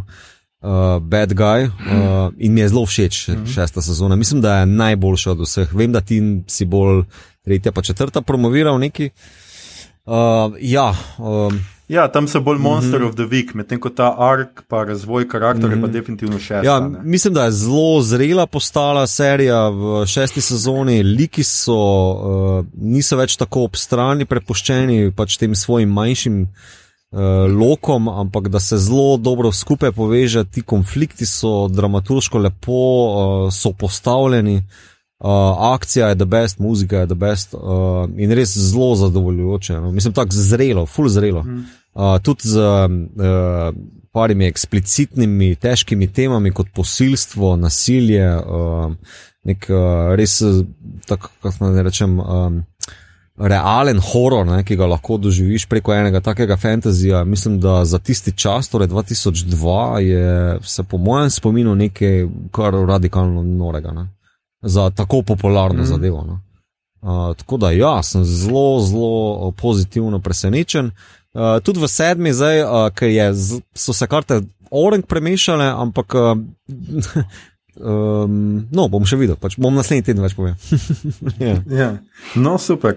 No, me zelo veseli, da ti je bilo všeč. Ja, šesta, posebej meni je en razvoj, recimo teh zlikovcev, unih mm -hmm. treh modelov, ki so ful smešni na začetku, pa eni piflečki, mm -hmm. tako, pa, pa pride un šok, ko on ubije taro. Ja, ne, tako, tudi um, na začetku, ko tako zlahka jemliš neke gike, pa pa Warren, ki izdela mm -hmm. del, dobi več, kako naj rečem, mesa na to zlobno okostje uh, postane uh, kar težko. Um, ja. no, no.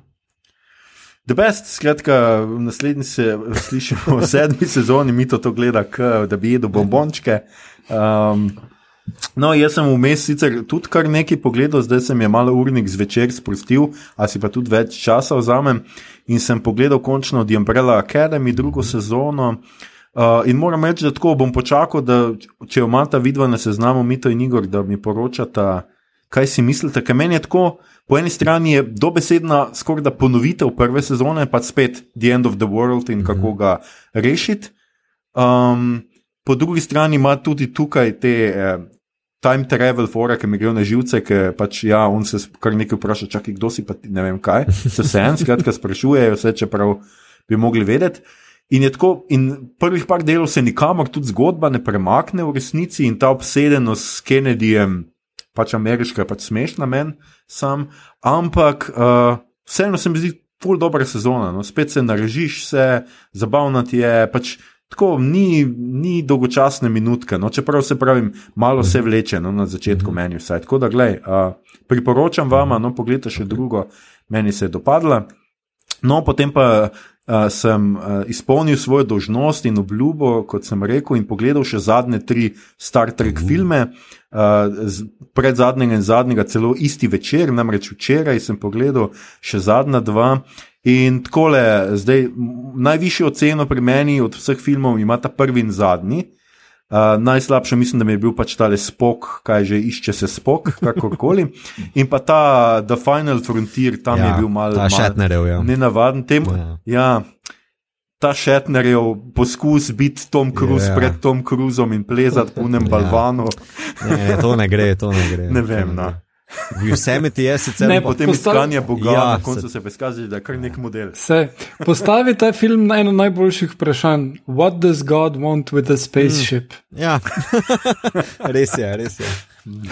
Mislim, to bi lahko kdo z cientologa vprašal. ja.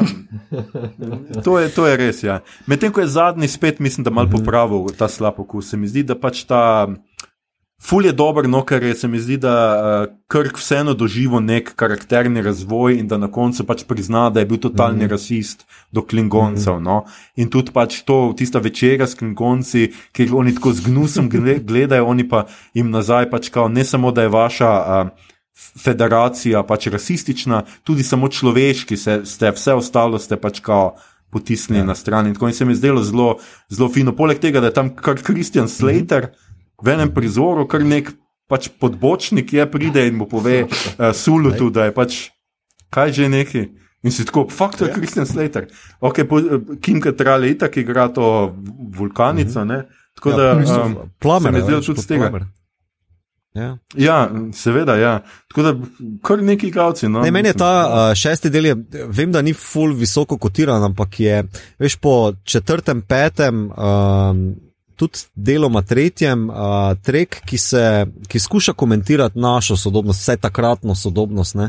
Ker leta 91 je padel Berlinski zid, Sovjetska zveza je bila v kurcu ne? in je ta zgodba deloma komentar o tem, kako lahko te različne kulture skušajo sobivati, ne? pač seveda Klingonci pa Starfleet. Ne? In tudi. Uh, Krk, ki se tam obnaša kot nek napopobesnil republikanec, kot let them die, ne? ta citat je meni, mm. beautiful. Uh, mislim, ta igra, ki je uh, res redka za šetnere, da doseže te emocionalne globine. No?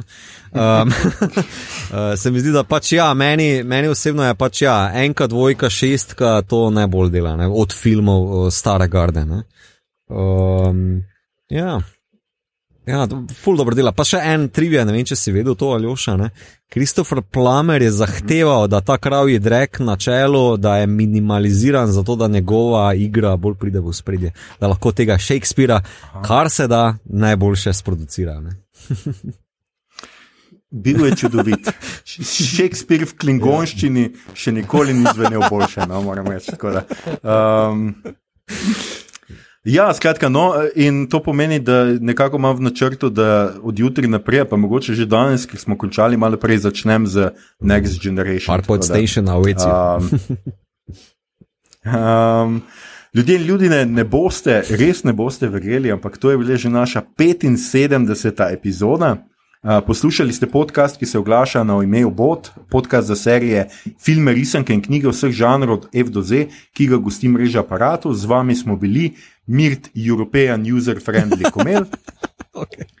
uh, Mito, diletant, Vedno, filozof, vedno. Gegič, Vam na voljo. Igor, ker pač live, harp in Aljoša, ne, nisem Jonas, Harlamov. Uh, tole epizodo smo posneli znova preko spleta, še vedno z naših domov, mi se čuvamo, upamo, da se vi tudi s tem, ko čuvate sebe, čuvate tudi svoje bližnje, sosede, sodržavljane, s tem pomagamo razbremeniti medicinsko osebje, čuvamo se lahko samo skupaj, ostanimo skupaj, tudi ko smo narazen. Če vam je bilo všeč, kar ste slišali, širite, lajkajte naš podcast, naročite se nam preko vašega najljubšega appa oziroma ponudnika podcastov, dajte nam kakšno oceno na Apple Podcasts, spremljajte platformo Apparatu z odličnim izborom podcastov za vsakega. In če boste v naslednjih dneh potovali skozi čas, si prej zapomnite malo zgodovine, da boste lahko svoj izvor dokazali, mogoče tudi kak nogometni izid ali dva, predvsem pa se za božjo voljo preselite iz lastnega kraja, polnega vaših sorodnikov, da ne bo vaš sin vaš dedek, vaša hči, vaša ljubica ali kaj podobnega. Vem, da je to po kakšnih gorenskih vaseh nekaj čisto normalnega, tudi brez potovanja v času, a To vse. je tako antireklama, sorry, to je vsekakor- antireklama za Susaka, veš. Um, In vsekakor ne potujte v času dlje nazaj kot tri leta nazaj, se takrat še ni bilo podcasta obot. Za vsak primer pa si, drage bodovke in bodovci, vsekakor zdownloadajte naše epizode in jih imejte nekje na varnem, na kakšnem ključku. Človek nikoli ne ve, kdaj mu pride prav potovanje v preteklost, izpad elektrike, naravna katastrofa ali čakanje na pošti. Uh, na Twitterju nas najdete kot podcastobot, na Facebooku in Instagramu smo podcast KM in obot brez pikc vmes. Tja delimo rajce, prikolice in druge zanimivosti, in tja lahko smerite vprašanja, pripombe, komentarje, traktate o nelinearnosti časa, predloge, kaj bi za vas pogledali naslednjič. Tole je bila 75 epizoda, 20 special iz karantene.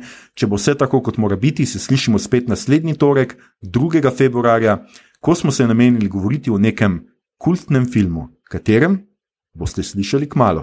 Obodovke in obodovci, imejte se in se poslušamo. Ej, a bi zaključil s kako nemško, ali pa kaj, veš, ful, malo smo o tem nemščini. ne.